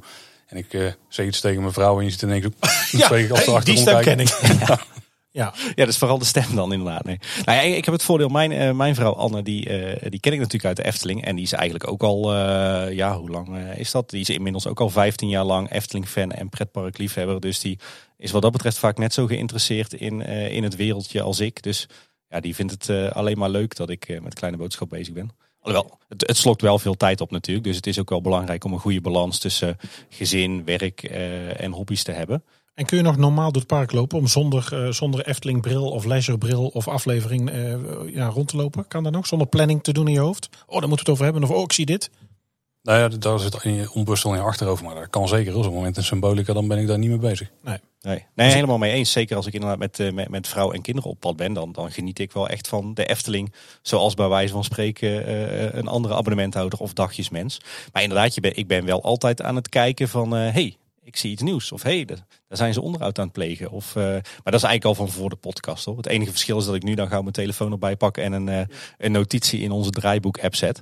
Eh, maar nee, inderdaad, zeker met vrouw en kinderen, dan, dan genieten wij gewoon lekker van een beetje ronddwalen, eh, wat eten, wat drinken, eh, rondje Sprookjesbos, eh, gewoon genieten. Ja. Ja, het is al een paar keer teruggekomen, dus toch weer het escapisme. En, eh, maar dat geeft ook aan, Paul, als jij dus in, eh, hoe heet het, in Symbolica zit en je hebt dat niet, dan is die storytelling dus dermate dat je daar dus in verdwijnt. Ja, en het, en het is ook wel die ervaring met je kinderen, met je gezin gewoon. Hoor. Maar als wij voor opnames in het park zijn, dan gaan we nooit in een attractie, tenzij het een opening is, dat het onderdeel is van het programma, bij wijze van spreken. Daar zijn we wel echt heel erg gefocust op eh, die aflevering zo goed mogelijk op band zetten. Werken dus, zakelijk. Nou ja, dat is inderdaad. Want als je het, als je het daarover hebt, eh, eh, dat viel me laatst op. Eh, vaak als wij zo'n reportage hebben gedraaid, dan, dan ben ik daarna echt kei kapot, om het Ja. maar op zijn Brabant te zeggen. En ik snapte dat eerst nooit. Maar je staat dan zo strak van de adrenaline. Eh, ik, ik ben erop gaan letten en dan merk je dat. Want ja, je hebt maar een, be- een x aantal eh, uren tijd. Eh, je wilt iedereen voor de microfoon krijgen. Je hebt honderdduizend vragen voor iedereen. Je moet die attractie nog in. Je wil achteraf nog een oordeel opnemen. Je bent aan het kletsen met andere pretpark podcasts en vloggers. Met mensen van de Efteling. Ja, dat is echt gewoon keihard werken, zo'n zo'n reportage. Ik zei net al eh, storytelling eh, eigenlijk. En dan eh, bij storytelling, ja, dan denk je natuurlijk meteen aan iemand. En daar heb ik ook wat voor. Ha, Mark, hier Philip. Wat leuk om te gast te zijn in Ready for Takeoff. Oh nee, wacht. Dit is Kleine Boodschap en wel bijna aflevering 200. Alvast gefeliciteerd Paul en Tim, ook namens Rebecca.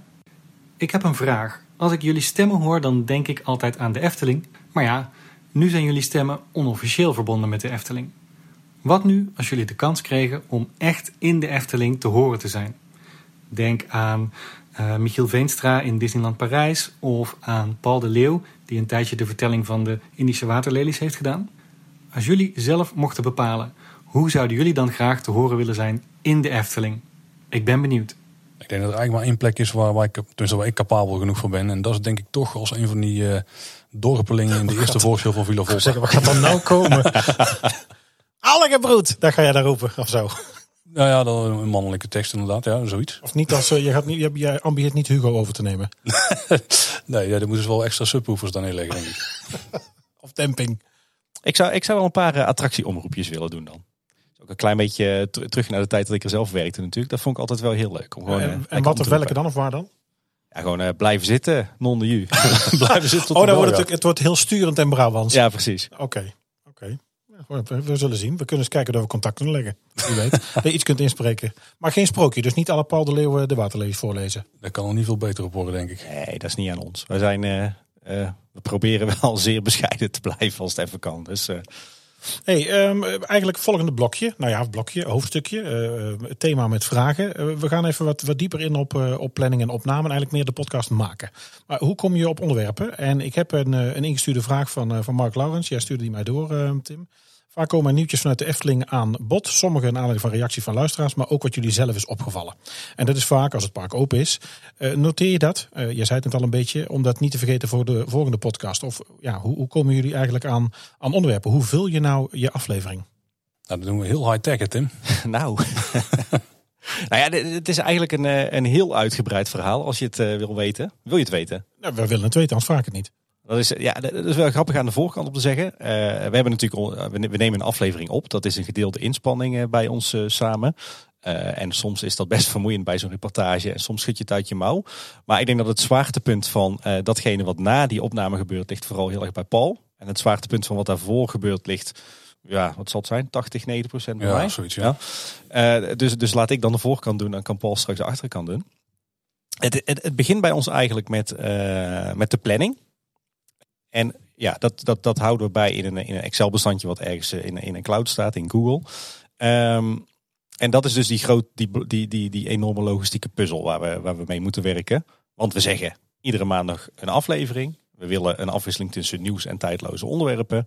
En dan willen we ook nog eens eh, eh, in die tijdloze onderwerpen ook nog eens een bepaalde mate van afwisseling. Ah, dus er is dus een planning of een soort productieschema. Je hebt dus Ja. zeg maar een lijst met ideeën met wat er gaat komen en wat je gehad hebt. Tot welke aflevering zitten we nu vol, eh, Tim? Ik, eh, ik geloof dat we. 15? ja, het- ik geloof dat we een half jaar vooruit eh, gepland zijn momenteel. En en eh, enerzijds is het tussen die planning, hè, want het is af en toe best een uitdaging. Je wil iedere maandag een aflevering online hebben staan. En je wil iedere donderdagavond willen wij eh, opnemen als het even kan. Soms wordt dat woensdag, eh, soms een keertje overdag als het niet anders kan. Ehm, dat is heel basic. Eh, nieuwsafleveringen inplannen, dat is ook duidelijk. Ehm, maar ja, dan zit je ermee. Wat ik al zei, er is eens een keer ziek. Eh, we zijn eens een keer om beurten op vakantie. Eh, er moet een keer een gast mee, meewerken. Dus dat is al een puzzel om dat rond te, rond te krijgen. Maar dan moet je inderdaad die andere tijdloze afleveringen gaan, gaan verzinnen. En in die planning hebben we ook een lijstje met ideeën voor onderwerpafleveringen. En dat vullen we eigenlijk continu aan. Aan de hand van eh, eigen ideeën, dingen die ons worden aangedragen door luisteraars. Die houden we bij. En dan zijn we continu eh, in aan het shuffelen. Dus van, nou, misschien moeten we dit eens doen, misschien moeten we dat eens doen. En dat doen we zo ook eigenlijk met afleveringen die we samen met de Efteling maken. Daar hebben we ook eh, een lijstje met eh, twintig ideeën waarvan we zeggen van, nou, dat willen we ergens de komende tijd gaan, gaan maken. Dat delen we ook met, met onze contactpersoon bij de Efteling. Eh, en we hebben ook nog eh, eh, lijstjes met reportages die we een keer willen draaien in het park. En met eh, interviews met oud-Eftelingers. En eigenlijk is het zo, iedere keer dat er een idee oppopt, dan knallen we dat eh, in die planning. En dat houden we bij, dat actualiseren we. En op een gegeven moment dan gaan we die afleveringen ook daadwerkelijk inplannen. Dat is een hele puzzel, wat ik al zei. Zeker als je jezelf vastlegt aan, aan dat ritme. En af en toe gooi je andere dingen roet in het eten. Kijk nu naar de coronacrisis. Ja, daardoor hebben we best wel veel interviews eh, moeten, eh, moeten verschuiven. Of zijn zelfs helemaal niet doorgegaan. Dus dat is een, een, een doorlopende puzzel. Daar, daar, ben je eigenlijk iedere dag mee bezig met eh, wat zijn er nog voor ideeën? Wat is haalbaar? Uh, hoeveel tijd gaat erin zitten? Hebben we die tijd nu? Uh, wanneer plannen we dat dan in? Wordt het een bonusaflevering of niet? Dus daar ben je eigenlijk iedere dag mee aan het puzzelen. En dan ga je het invullen. Dan, uh, dan gaan we naar een ander online documentje dat we hebben. Dan wordt het, het draaiboek gevuld? Het draaiboek, ja. ja. En hoeveel pagina's praten we over gemiddeld? Uh, dat fluctueert heel erg. Voor een nieuwsaflevering is het volgens mij pagina 6 tot 10. Uh, soms richting de 16, uh, 20. Uh, maar dan Jeetje. weet je dat het nachtwerk gaat worden. Maar dat is eigenlijk een dynamisch document. Daar houden we enerzijds maken we daarin de draaiboeken voor de interviews en voor de tijdloze afleveringen. Dus die worden gewoon gaandeweg gevuld. Hè. Je, je, je, je, bedenkt wat interviewvragen, die, die, die stel ik op. Paul vult die aan, ik heb nog wat vragen. bij tijdloze onderwerpafleveringen uh, ligt het er heel erg aan. Het kan zijn dat we, als we een aflevering maken met tips voor een regenachtige dag, dat we wat, uh, wat puntjes opschrijven en dat is het dan. Maar als je bezig bent met research, dan ben je continu in dat document aan het werken. En wat betreft de nieuwsaflevering is het eigenlijk zo, daar hebben we een, een, een appgroepje voor in WhatsApp. Ja, en die research, voordat ik dat vergeet. Want, en waar doe je research? Dat is internet, dat is het gemeentehuis, dat zijn boeken. Is dat bij jou op zolder? Waar, waar, waar gebeurt het allemaal? Dat ligt er maar net aan wat het onderwerp is. Het punt is altijd, we willen zoveel mogelijk informatie naar ja, boven Je schroomt dus niks. Je pakt dus alles, je gaat zo ver mogelijk. Je begint vaak met, met, met wat weet je zelf en wat staat er op Eftepedia. En dan ga je jubileumboeken openslaan. Dan ga je googlen. Dan uh, ga je kaartmaterialen bijpakken. Dan ga je me mensen bellen, met mensen praten. Uh, ja, je probeert het gewoon uh, zo ver mogelijk uit te diepen. En nieuwsafleveringen is eigenlijk een ander verhaal. Dat, dat houden we ook wel bij in datzelfde draaiboek. Maar we hebben daar een appgroepje voor. En eigenlijk vanaf het moment dat we stoppen met opname van de nieuwsaflevering dan beginnen we meteen al met voorbereiding van de volgende, de volgende nieuwsaflevering. En daar zit vaak maar twee weken tussen. Maar als het met vakantie zo uitkomt, dan is het een keer drie, een keer vier, een keer vijf. Volgens mij hebben we zelfs een keer zeven weken tussen nieuwsafleveringen uh, gehad. Ja, misschien zeven afleveringen, wat er wel bonus tussen zat of zo. Ja, precies. En uh, we verzamelen alle nieuwtjes die we, die we tegenkomen, verzamelen in een, uh, in een groepsappje in WhatsApp. dat kunnen tweetjes zijn, dat kunnen websites zijn, post op fora, dingen die we zelf zien. Dat gaat allemaal in die, in die vergaarpak, zeg maar. En een aantal keer per week dan uh, pak ik die erbij als ik achter de computer zit uh, met web WhatsApp. En dan ga ik dat verwerken. En dan heb ik mijn basisdocumentje met hè, de structuur, dus de intro, de follow-up, hoofdonderwerpen, onderhoud, kort nieuws, uit de periferie en dan nog dit en de outro. uh, dat is mijn. nou, dit was de structuur even. Dat was mijn basis, is mijn basisstructuur. en dan gaandeweg die twee weken dat we in aanloop richting opname zitten, dan, uh, dan pak ik uh, alles wat we verzamelen in WhatsApp, pak ik erbij. En dat verdeel ik over die kopjes. En dat wordt verder gefine-tuned. Daar wordt nog checken. extra, extra checken, extra onderzoek. Uh, toch verschuiven, toch iets weer er, eraf strepen. met Paul overleggen van moet het erin of niet. Ehm, en ja, dat is eigenlijk ook een, een, een, continu proces. En wat ik al zei, ik denk dat, dat met zo'n nieuwsaflevering... dat ik daar gemiddeld genomen per dag een uur mee bezig ben. Voordat het dus uiteindelijk wordt opgenomen. Ja, dus de, eigenlijk de, ja, planning, draaiboek. Hallo! Hallo, met, met wie spreek ik? Met Mark, voor Kleine Boodschap. Oh, kijk eens aan. Ja, dan ben ik, dan ben ik goed. Uh, goedendag, hier spreekt OJ Punctueel vanuit het paleis Symbolica. Um, mag ik even inbreken? Nou, ik hoop dat u al. dat niet erg vindt. Maar nee. ik heb even een, een vraag voor de heren. Want ik zit uh, op dit moment ook te luisteren. Ik had even een klein momentje vrij af, zoals dat zo mooi heet. En ik dacht, uh, laat ik de heren van Kleine Boodschap ook even een kleine vraag stellen. Natuurlijk niet voordat ik ze heb um, gefeliciteerd. 200 afleveringen al bijna. Het is ongelooflijk. Van harte proficiat, heren. Ook namens zijn majesteit koning Pardulfus Carando Domerano, de vorst van het Rijk der Fantasie. Wel nu, heren, ik heb een vraag voor u en ik hoop dat u hem kunt beantwoorden. Hij luidt als volgt. U hanteert bij het opnemen van de podcast, zoals ik heb vernomen, altijd een keurig draaiboek en een aantal basisregels en terugkerende elementen ten einde de broodnodige regelmaat en structuur aan te brengen. Welke aflevering van al die bijna 200 podcasts verliep onverhoopt totaal niet volgens die regels en was daardoor wellicht lichtelijk chaotisch van aard? Zo'n hele mond vol, maar ik dacht, uh, ik wil het toch even weten, want u weet, ik ben van de regels en van de ordentelijkheid. Dus ik zou graag willen weten waar het een keer fout is gegaan en hoe u dat denkt op te lossen voor de toekomst. Ik moet er weer vandoor, meneer Mark. Succes, heren. Nogmaals, van harte proficiat. En ga zo door. Goedendag. Koninklijke felicitaties. Die hebben we nog niet vaak gehad.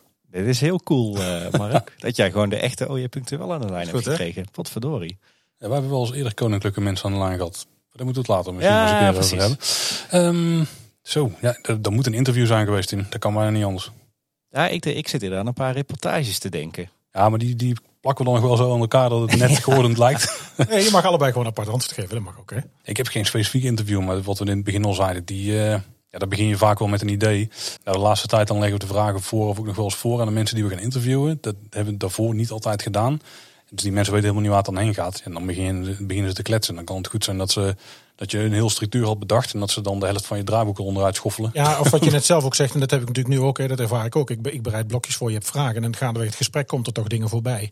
Het is natuurlijk wel een gouden regel, save het voor de show. Je moet niet van tevoren bij de koffie alles al bespreken, want dan is er niks meer op te nemen. Dat is ja, link. Wij hebben vaak de pech dat het andersom is. Dat dan, dan zijn de microfoons opgeboren en dan komen nog de grootste verhalen in één keer dan ja, precies. weer eruit. Daar moeten we eigenlijk iets voor verzinnen. Nou ja, er zit wel een verschil tussen hoor. Want je hebt interviewgasten die houden zich erg gestructureerd uh, aan, aan ons draaiboekje. Uh, moet bijvoorbeeld denken aan Ronald van der Zel. Die deed dat heel uh, redelijk strikt.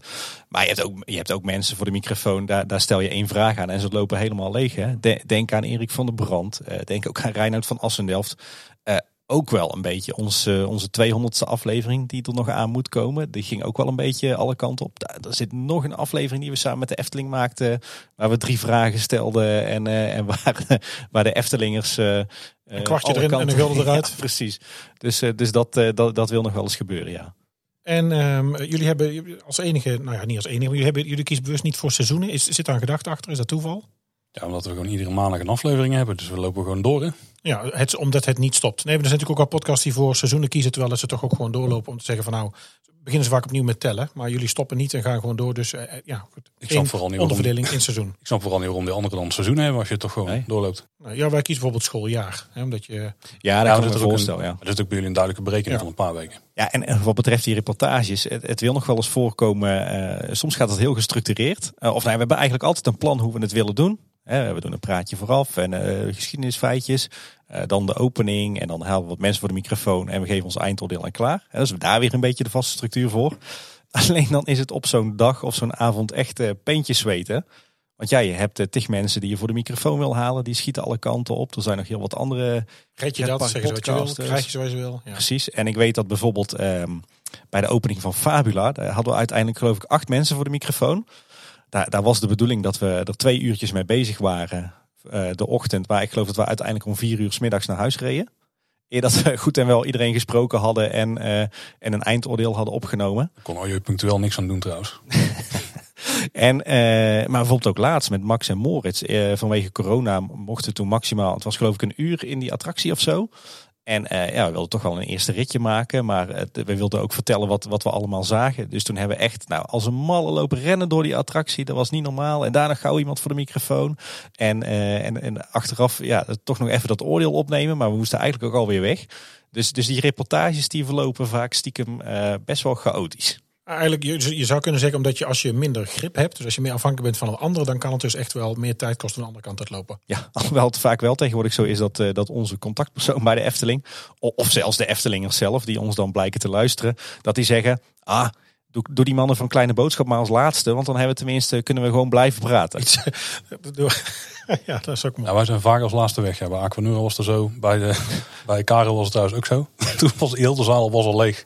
En alleen Olaf Fuchs stond er nog met ons te kletsen. Ja, ja en trouwens ook naar de Zes Zwanen stonden er als laatste. Naar uh, Max en Moritz. Uh, eigenlijk zijn we altijd degene die als laatste weg. Het dat is toch de Brabant zo is. Brabant, wij, ja. wij, doen hier het licht wel uit. Ja. Eh, nou, dit is een beetje voorkant, planning, opname. We gaan het zo meteen nog zeker hebben over, uh, nou ja, denk ik dan in ieder geval 80% Palskant, de montage, zo dat het spul online komt. Uh, maar wat maakt het nou dat het voor jullie samen zo werkt? Wat is nou de chemie? Waarom zijn jullie, waarom werkt dit? En waarom gaat het goed?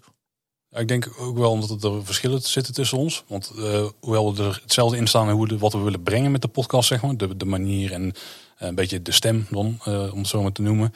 Daar zitten we heel erg op één lijn. Maar de achtergronden van ons zijn totaal verschillend. Tim die zit heel erg qua werk ook in dat planmatige en zo, weet je wel. Dus dat is een heel sterke kant van, van Tim. Ik zit dan, ja, ik, ik wou het creatieve noemen, niet dat Tim dat dan niet heeft. Maar ik vind de andere aspecten van, eh, van het park en ook het bedrijf bijvoorbeeld wat erachter zit, vind ik heel interessant. Ik denk dat we elkaar daar heel mooi aanvullen. En eh, het is heel vaak ook zo, we voelen van, van elkaar wel aan van, oké, nou gaan we het hierover hebben, dan die begint erover, weet je wel. Want die heeft er toch iets over te melden of, of de andere die geeft alvast het voorzetje, want die weet toch wel eh, dat die andere daar eh, dan eh, ja, waarschijnlijk veel te lang op in kan gaan.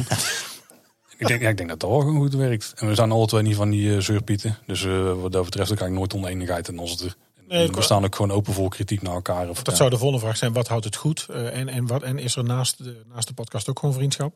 Nou ja, ik denk dat wat, wat het goed houdt is eh, denk ik, eh, ehm, wij zijn allebei eh, redelijk nuchter, denk ik. Ja. Redelijk serieus. En tegelijkertijd ook, ook, ook, denk ik, positief ingesteld, optimistisch. En dat zijn we allebei. Dus we, we- ja, ik denk dat wij ook zelden of nooit eh, ergens discussie of ruzie. La, la, de ruzie sowieso niet. Ik, ik geloof niet dat wij in 3,5 jaar kleine boodschap ooit ruzie hebben gehad. Eh, en discussie gaat bij ons ook altijd heel rationeel, heel gemoedelijk. Eh, ik denk dat ik nog nooit me aan jou geïrriteerd heb aan in die 3,5 jaar. Nou ja, of we hebben wel eens van, moeten we dit wel doen? Ja, ik denk hier en hierom wel. Nou, ik denk hier en hierom niet. Nou, dan komen we er altijd wel, wel uit. Ja, wij zijn denk ik redelijk zakelijk, nuchter en ja.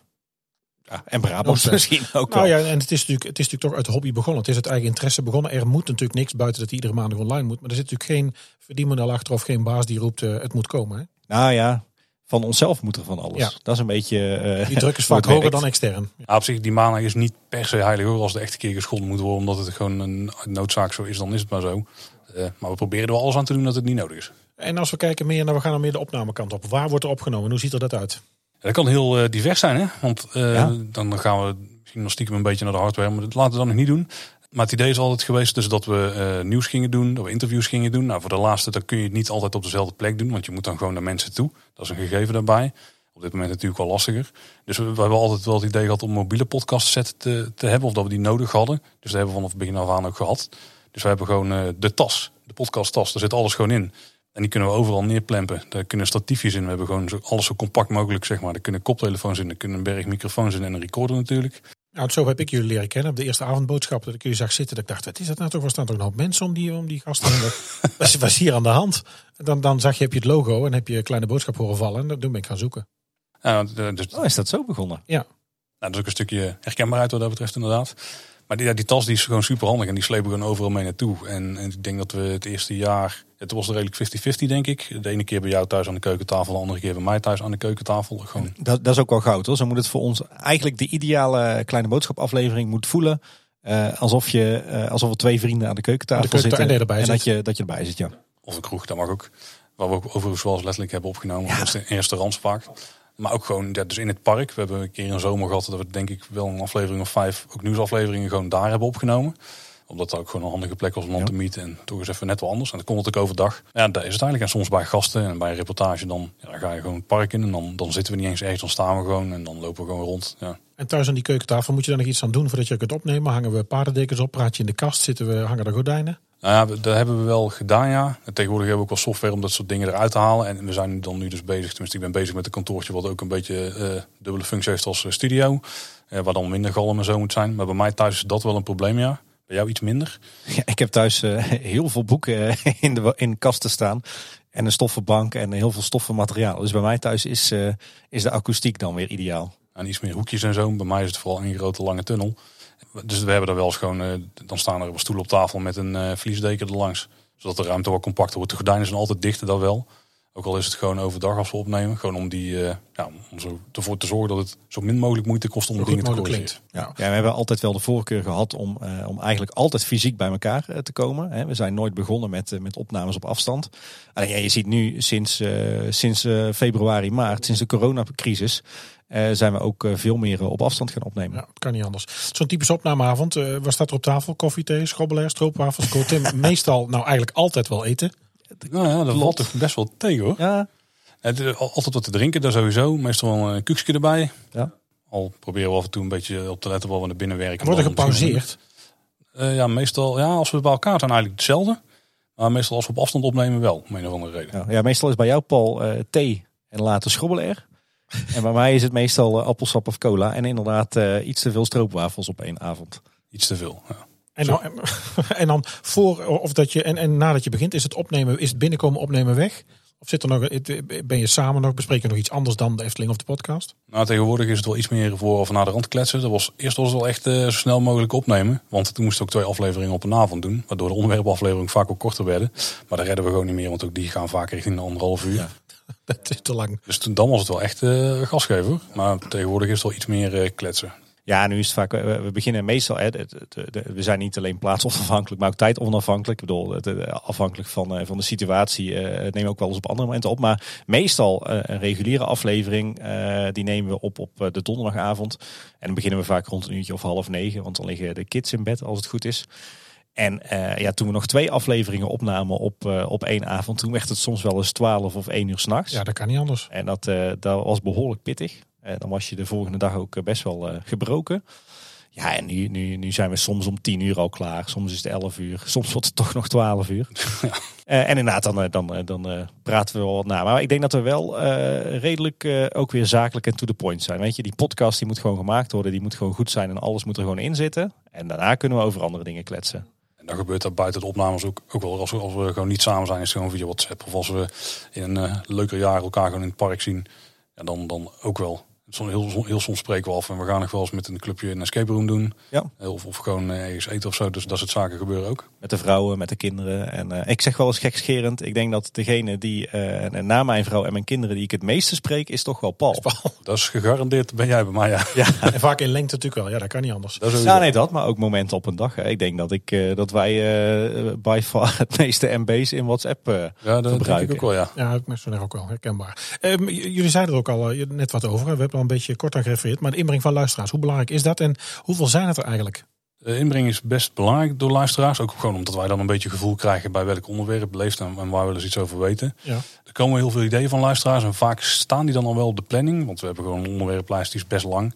Maar soms zit er ook wel eens een idee bij en denken, oh dat is eigenlijk wel heel tof. Want wat, waar we altijd naar op zoek zijn, zijn, zijn een beetje de, de laaghangend fruit afleveringen. Nou die hebben we wel gehad. Maar dus ook dingen die je gewoon met niet al te veel voorbereiding, dat je wel een hele leuke aflevering kunt hebben. En dat kunnen, dat kunnen bijvoorbeeld toplijstjes zijn. Daar denken we dan ieder even een half uur tot een uur over na. Daar werken we notities vanuit en dan kunnen we aan de gang, zeg maar.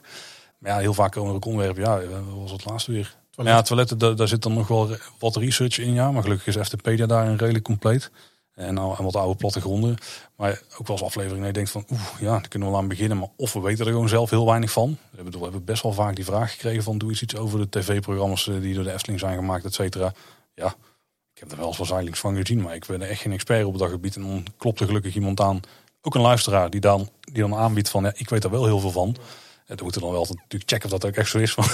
Want zo'n financiële afdeling, ben je op pad gaan iemand die het wist? Of is het ook gekomen van, nou god, ik wil dat wel eh, doen met jullie? Nou, toevallig dat, eh, ik had het er eens met Anne over van joh, eh, we zijn op zoek naar onderwerpen die we zonder al te veel voorbereiding kunnen maken. Hè? Want we hebben lang niet altijd de tijd om weken of maanden te researchen.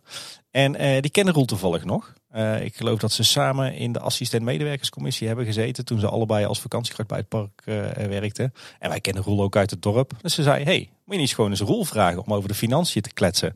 En financiën eh, was toevallig zo'n onderwerp wat eigenlijk al drie jaar lang door luisteraars werd aangevraagd. Waarvan we zelf allebei zeiden van ja, wat kunnen we daar voor zinnigs over zeggen? Nou, het, ik, ik vond het nogal zin in. ja, maar wij, wij dus En zeker in deze tijd. Ja, dus ja, Anne kwam met dat idee. En ik heb, eh, ik heb Roel geappt of gebeld. Ik weet eigenlijk niet hoe het ging. En, eh, die was meteen enthousiast. En dan heb je dus een expert aan tafel. En dan kun je ineens wel wat eh, maken. En bijvoorbeeld Bjorn, die kwam gewoon zelf aanzetten met van ik weet heel veel over de media. Dus eh, ik vind dat een super interessant onderwerp. Ik maak er zelf een podcast over.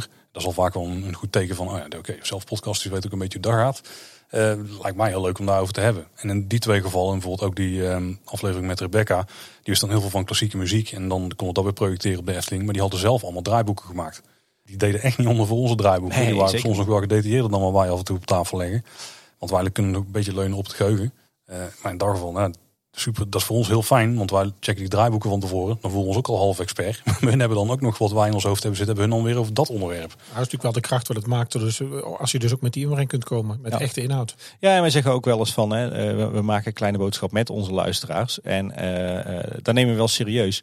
We krijgen heel veel reacties via mail, via social media. Eh, we kunnen er lang niet altijd inhoudelijk op antwoorden. Hè. Het zijn vaak hele lange mails eh, eh, met allerhande vragen.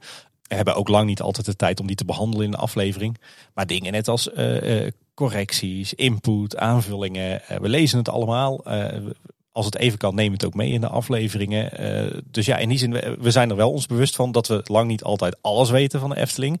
En dat we ook wel eens fouten maken. En we willen ook wel dat er ruimte is om dat te corrigeren. Dus daarom zullen we ook altijd, als een luisteraar een correctie heeft, dat ook altijd gewoon meenemen in de aflevering, open en bloot. Dat is ook goed dat dat doet, denk ik. En dat stukje vind ik zelf altijd super tof, want dan, daardoor leer je dus weer meer over het park. Heb je een voorbeeld? Nou, Ramon Heer heeft altijd hele, goede, hele toffe, interessante feedback. Ook Joost Blok schrijven vaak hele toffe feedback van. Ja. Die dan weer dingen even boven water krijgt waar, waar wij dan of ons op dat moment niet bewust van waren. Of wel ergens in het achterhoofd ooit hadden meegekregen. Maar die dan krijgen op die manier dus weer informatie die we eerder niet wisten of waren vergeten. En dat is toch waar we het voor doen. Gewoon nog meer boven de Efteling, eh, of over de Efteling boven tafel krijgen. Ja, en we koesteren die luisteraars echt wel hoor. Want eh, we hebben een keer een, eh, een uitgebreid luisteraarsonderzoek gehouden. Nou, daar hebben we de, eh, best wel wat feedback gekregen waar we wat mee hebben gedaan. Ehm, we krijgen vaak ideeën, die zetten we op de lijst en die, komen een keer aan bod. Mensen inderdaad die mee willen werken, vragen. heel veel reacties op social media waar we meestal wel op proberen te reageren. Dus ja, nee, we, do- we doen het toch voor de luisteraars. En, eh, Ja, dat zijn natuurlijk je producers van je show. Hè? Die bepalen een beetje, de, nou ja, niet een beetje, die bepalen de inhoud. Daar maak je het tenslotte voor. Je, je, vindt- je, moet het, je maakt het zelf omdat het zelf leuk vindt. Je duikt zelf ergens in. Maar ja, het is voor een ander om te gaan luisteren natuurlijk. Ja, en als het straks weer mag, dan willen we echt alweer een keertje een, eh, een evenement voor luisteraars doen. Bijvoorbeeld zo'n 250ste aflevering. Ja, het lijkt me heel tof om die weer ergens in een zaaltje in de Efteling of bu- net buiten de Efteling met, met de luisteraars op te nemen. Ja. Gaan we eens aan te kijken. Maar hoe groot moet de zaal dan zijn? Want wat doen de streams nu, eh, Paul? Aflevering? Of verschilt dat heel erg met wat de inhoud is? Ja, dat scheelt wel. Er zijn een paar afleveringen die springen wel echt bovenuit. De gemiddelde aflevering die krijgt gewoon eh, ja, meerdere duizenden luisteraars, zeg maar. Eh, maar we hebben ook een paar en die zitten ja, ruim over de 10.000 richting de 20.000. Maar dat zijn dan wel de uitzonderingen hoor. Maar dat bijvoorbeeld een aflevering 100 heeft het heel goed gedaan. Eh, ook zo'n interview met Erik van der Brand deed het heel goed. Dat is volgens mij de ene populairste aflevering. We hebben ook soms een aflevering over het bestemmingsplan. Die doet het dan ook heel goed. Toen net die zitting was geweest, dat was ook weer een eh, ja, ruim een 10.000 eh luisteraars aflevering. Ja. Ja, ik, heb, nou, ik, ja, ik schrik enorm van aantallen natuurlijk. eh, Als ik het naast onze podcast zet. Maar goed, het is natuurlijk een andere markt en een andere, andere niche. Maar ik denk juist wel, daar hadden we het net ook al over. Ik, die, dat, dat goed beluisterde. Met name bij zo'n eh, bij zo'n bestemmingsplanprocedure. Wat ik al zei, ik denk dat het, het is. Nou, niet, ik, ik vind dat het heel fijn is dat jullie dat voor mij hebben uitgezocht. En dat ik daarnaar kan luisteren. En om een beetje in al die nieuwsberichten en alles wat je leest en ziet, om daar een klein beetje duiding in te krijgen of richting en gestructureerd een uitleg. Ja, is natuurlijk een podcast bij uitstek het medium. En dat vind ik zelf ook bij heel veel andere podcasts. Daarom luister ik die ook graag. Ja. ja, en wij hebben onszelf echt al ten doel gezegd. Je moet bij ons ten doel gesteld. Je moet bij ons echt alles horen. Ja, niet, niet de allerkleinste kruimels natuurlijk. Maar eh, het moet wel zo zijn. Als je al het Efteling nieuws wil meekrijgen. Eh, dan moet je maar één ding doen. En dat is kleine boodschap luisteren. Dat is een beetje het idee. Ja, en eh, wat mij altijd verbaast is dat, eh, dat grappig genoeg de nieuwsafleveringen misschien wel het populairste zijn. Buiten die paar uitschieters met die interviews met, met oud- oud-directeuren. die gaan vaak richting de 10.000 en daarboven. Ja, dat vind ik al opvallend omdat je denkt dat is niet tijdloos. Dat is van nu. Ja, ik, ik verwacht, dat- ik verwacht dat juist die tijdloze onderwerpen dan, dan scoren. Maar Maar als je kijkt naar, naar, naar onderwerp of tijdloos. Kijk, zo'n studiotour met, met René of zo'n rondleiding met, met Mario. Die, heb ik al, die heb ik allebei al twee of drie keer geluisterd. En ook, ik denk dat ook weer voor die nieuwsafleveringen geldt ook weer. Ik kan het zelf gewoon met alle andere podcasts. Nou, kijk even de lijst die Paul luistert. Maar ik heb er ook stuk of twintig in een week. Ja, kan ik onmogelijk zelf al het Efteling nieuws bijhouden of lezen. Dus ook daarin denk ik dat je bedient in een, in een, in een behoefte van toch alles weten. En dat makkelijk tot me krijgen. En die moet je ook op dat moment luisteren. Want dat is wel het punt. Want het kan goed zijn dat onderwerpafleveringen uiteindelijk best wel bijtrekken. Alleen eh, de statistieken die wij zien, die laten standaard bij de laatste 15 afleveringen zien. Want ik heb ook van een aantal mensen gehoord die luisteren alle nieuwsafleveringen meteen. Maar die, maar die hebben vaak daar al moeite mee om het in een week te persen. Of in twee weken zelfs. En die onderwerpafleveringen, ja, daar zitten, lopen ze gewoon op 30 achter of zo. Maar die luisteren ze wel bij. Alleen dat kost wel meer tijd. En dat kan ook bij die, want die zijn bewust ook meer tijdloos. Ik vind het wel bizar dat, eh, eh, wat ik zei, ik, ik denk dan altijd dat, je, dat er een paar honderd mensen naar ons luisteren. Maar dan probeer ik het wel eens te visualiseren met, eh, met hoeveel keer het Efteling Theater vol zit. Nou, inderdaad. Dat, dat is, de reden dat ik het vraag hoe groot moet de zaal zijn. En dan het ga, je, voor je. dan ga je inderdaad voor, voor vier, vijf, zes, soms zes eh, Efteling, te- volle Efteling theaters. Ik vind het bijna beangstigend eigenlijk. en dan denk je als van, wauw, echt Ja. wie zijn al die mensen? En hoezo hebben ze zoveel interesse eh, in de Efteling dat ze het vol kunnen houden Ja. om naar Kleine Boodschap te luisteren. Maar eh, Nou, hoe groot de zaal moet zijn voor een event met luisteraars, ja, dat weet ik niet. Op zijn minst wel 100 of zo. Maar dat, bij Kleine Boodschap 100 toen waren we gewoon beperkt in de ruimte. Er waren er 80. Nou, die stoelen die zaten ja, die tegen de brandweer vertellen, maar er waren iets meer dan 80 mensen. Ehm, ik weet niet, 100, 100, 150 of zo. Ik denk dat het al. Nou, misschien moet het, eh, het, eh, de, het nummer van de aflevering de hoeveelheid mensen aangeven die er te gast zijn. Ja, ja, nou, dat, ja, dat zou best kunnen. Het valt wel op, dat, dat zien we als we onze luistercijfers bijvoorbeeld leggen naast, eh, naast de mensen die op een poll reageren of de mensen die op een luisteraarsonderzoek reageren. Het is lang niet zo dat zeg maar, eh, al die mensen die luisteren, dat die ook naar zo'n event zouden komen. Hè. Er is een beetje een, een harde kern die heel vaak reageert en die, die alles eh, liked op, eh, op social media en die naar zo'n evenement komt. Maar er is ook een enorme groep eh, die gewoon weer luisteren en verder niks. En dat is ook prima. Ehm, je hint er net al een beetje naar, eh, Paul. Maar eh, als we kijken naar eh, apparatuur, montage, wat gebruik je vast en mobiel? Wat hebben jullie aangeschaft om, ehm, ja, de podcast eigenlijk gewoon ja, fysiek op te nemen? Nou, ik ben dus ooit begonnen met, met het idee dat ik het alleen zou doen met een interview. Dus dat was één op één. Tenminste, ik had een recorder gekocht, een Zoom H4n Pro, denk ik. Dat weet ik niet eens meer precies welke. Die heeft twee XLR-aansluitingen, dus daar kun je microfoons op aansluiten. Maar ik had dan heel slim, dacht ik, bedacht, ik ga de daspeldmicrofoons ga erop aansluiten. Want die mensen die hebben allemaal nog nooit een microfoon voor de neus gehad, die weten niet hoe dat werkt. Klik ik zo'n ding op de, eh, op de, op de blouseje en dan eh, zit de microfoon altijd in de buurt bij de mond. Eh, ik had me alleen niet echt beseft dat er verschillende type microfoons waren. En dat zijn dan vaak condensatormicrofoons. Want het alternatief is een dynamische microfoon. En condensatormicrofoons die pikken het geluid op van de volledige omgeving. Dus ook het ritselen van eh dat blouseje. Eh, maar ook gewoon als iemand de deur dichtgooit, eh acht meter er vandaan, zeg maar. Dan hoor je dat ook gewoon. Dus daar heb ik de aflevering met, met Mari mee opgenomen. Nou, dat was niet zo'n succes. Tenminste, die microfoons niet. Die hebben we nog steeds overigens. En die gebruiken we heel af en toe. Want we hebben ook een kleine recorder inmiddels. In principe gewoon... ja, dat is ook een Zoom, Zoom H1. Ja, volgens mij de H1, de originele. Je hebt volgens mij de H1N Pro. Ik heb hier een A1N staan. Ja. Nou, wij, wij hebben de originele, daar kan je ook een, eh, daar kan je zo'n daspeldmicrofoon ook in prikken. Eh, bijvoorbeeld een aflevering met Chris, eh, de fotograaf, die ging foto's maken in de Efteling. Toen heb ik dat ding bij hem opgedaan met die recorder erbij en dan knip ik het naar de rand in elkaar. Maar bijvoorbeeld ook de aflevering bij de Python opening, of heropening. Toen had ik dat ding in mijn borststuk zitten, die daspeldmicrofoon op mijn schouder. Zodat we alle twee een beetje audio hadden, dat je ook de wind had en zo.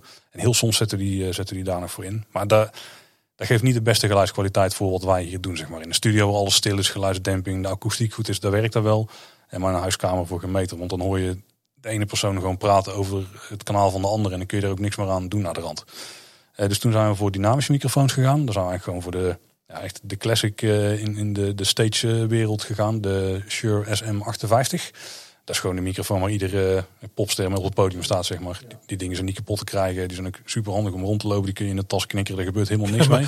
Mic drop, je kunt er dan Ja, van ja, letterlijk. De- de- Dat gebeurt wel eens trouwens. nou ja, die, die microfoons, ik heb er niet eens één gekocht. Ik heb er gewoon twee geleend van de collega's die een bandje hadden samen.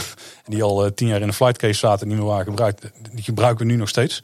En daarnaast inmiddels hebben we een hele serie van die microfoons. Want af en toe zitten we met eh, drie gasten aan tafel. Dan redden we het niet meer. Nee. En in het studiootje wil ik er ook twee gewoon standaard ophangen.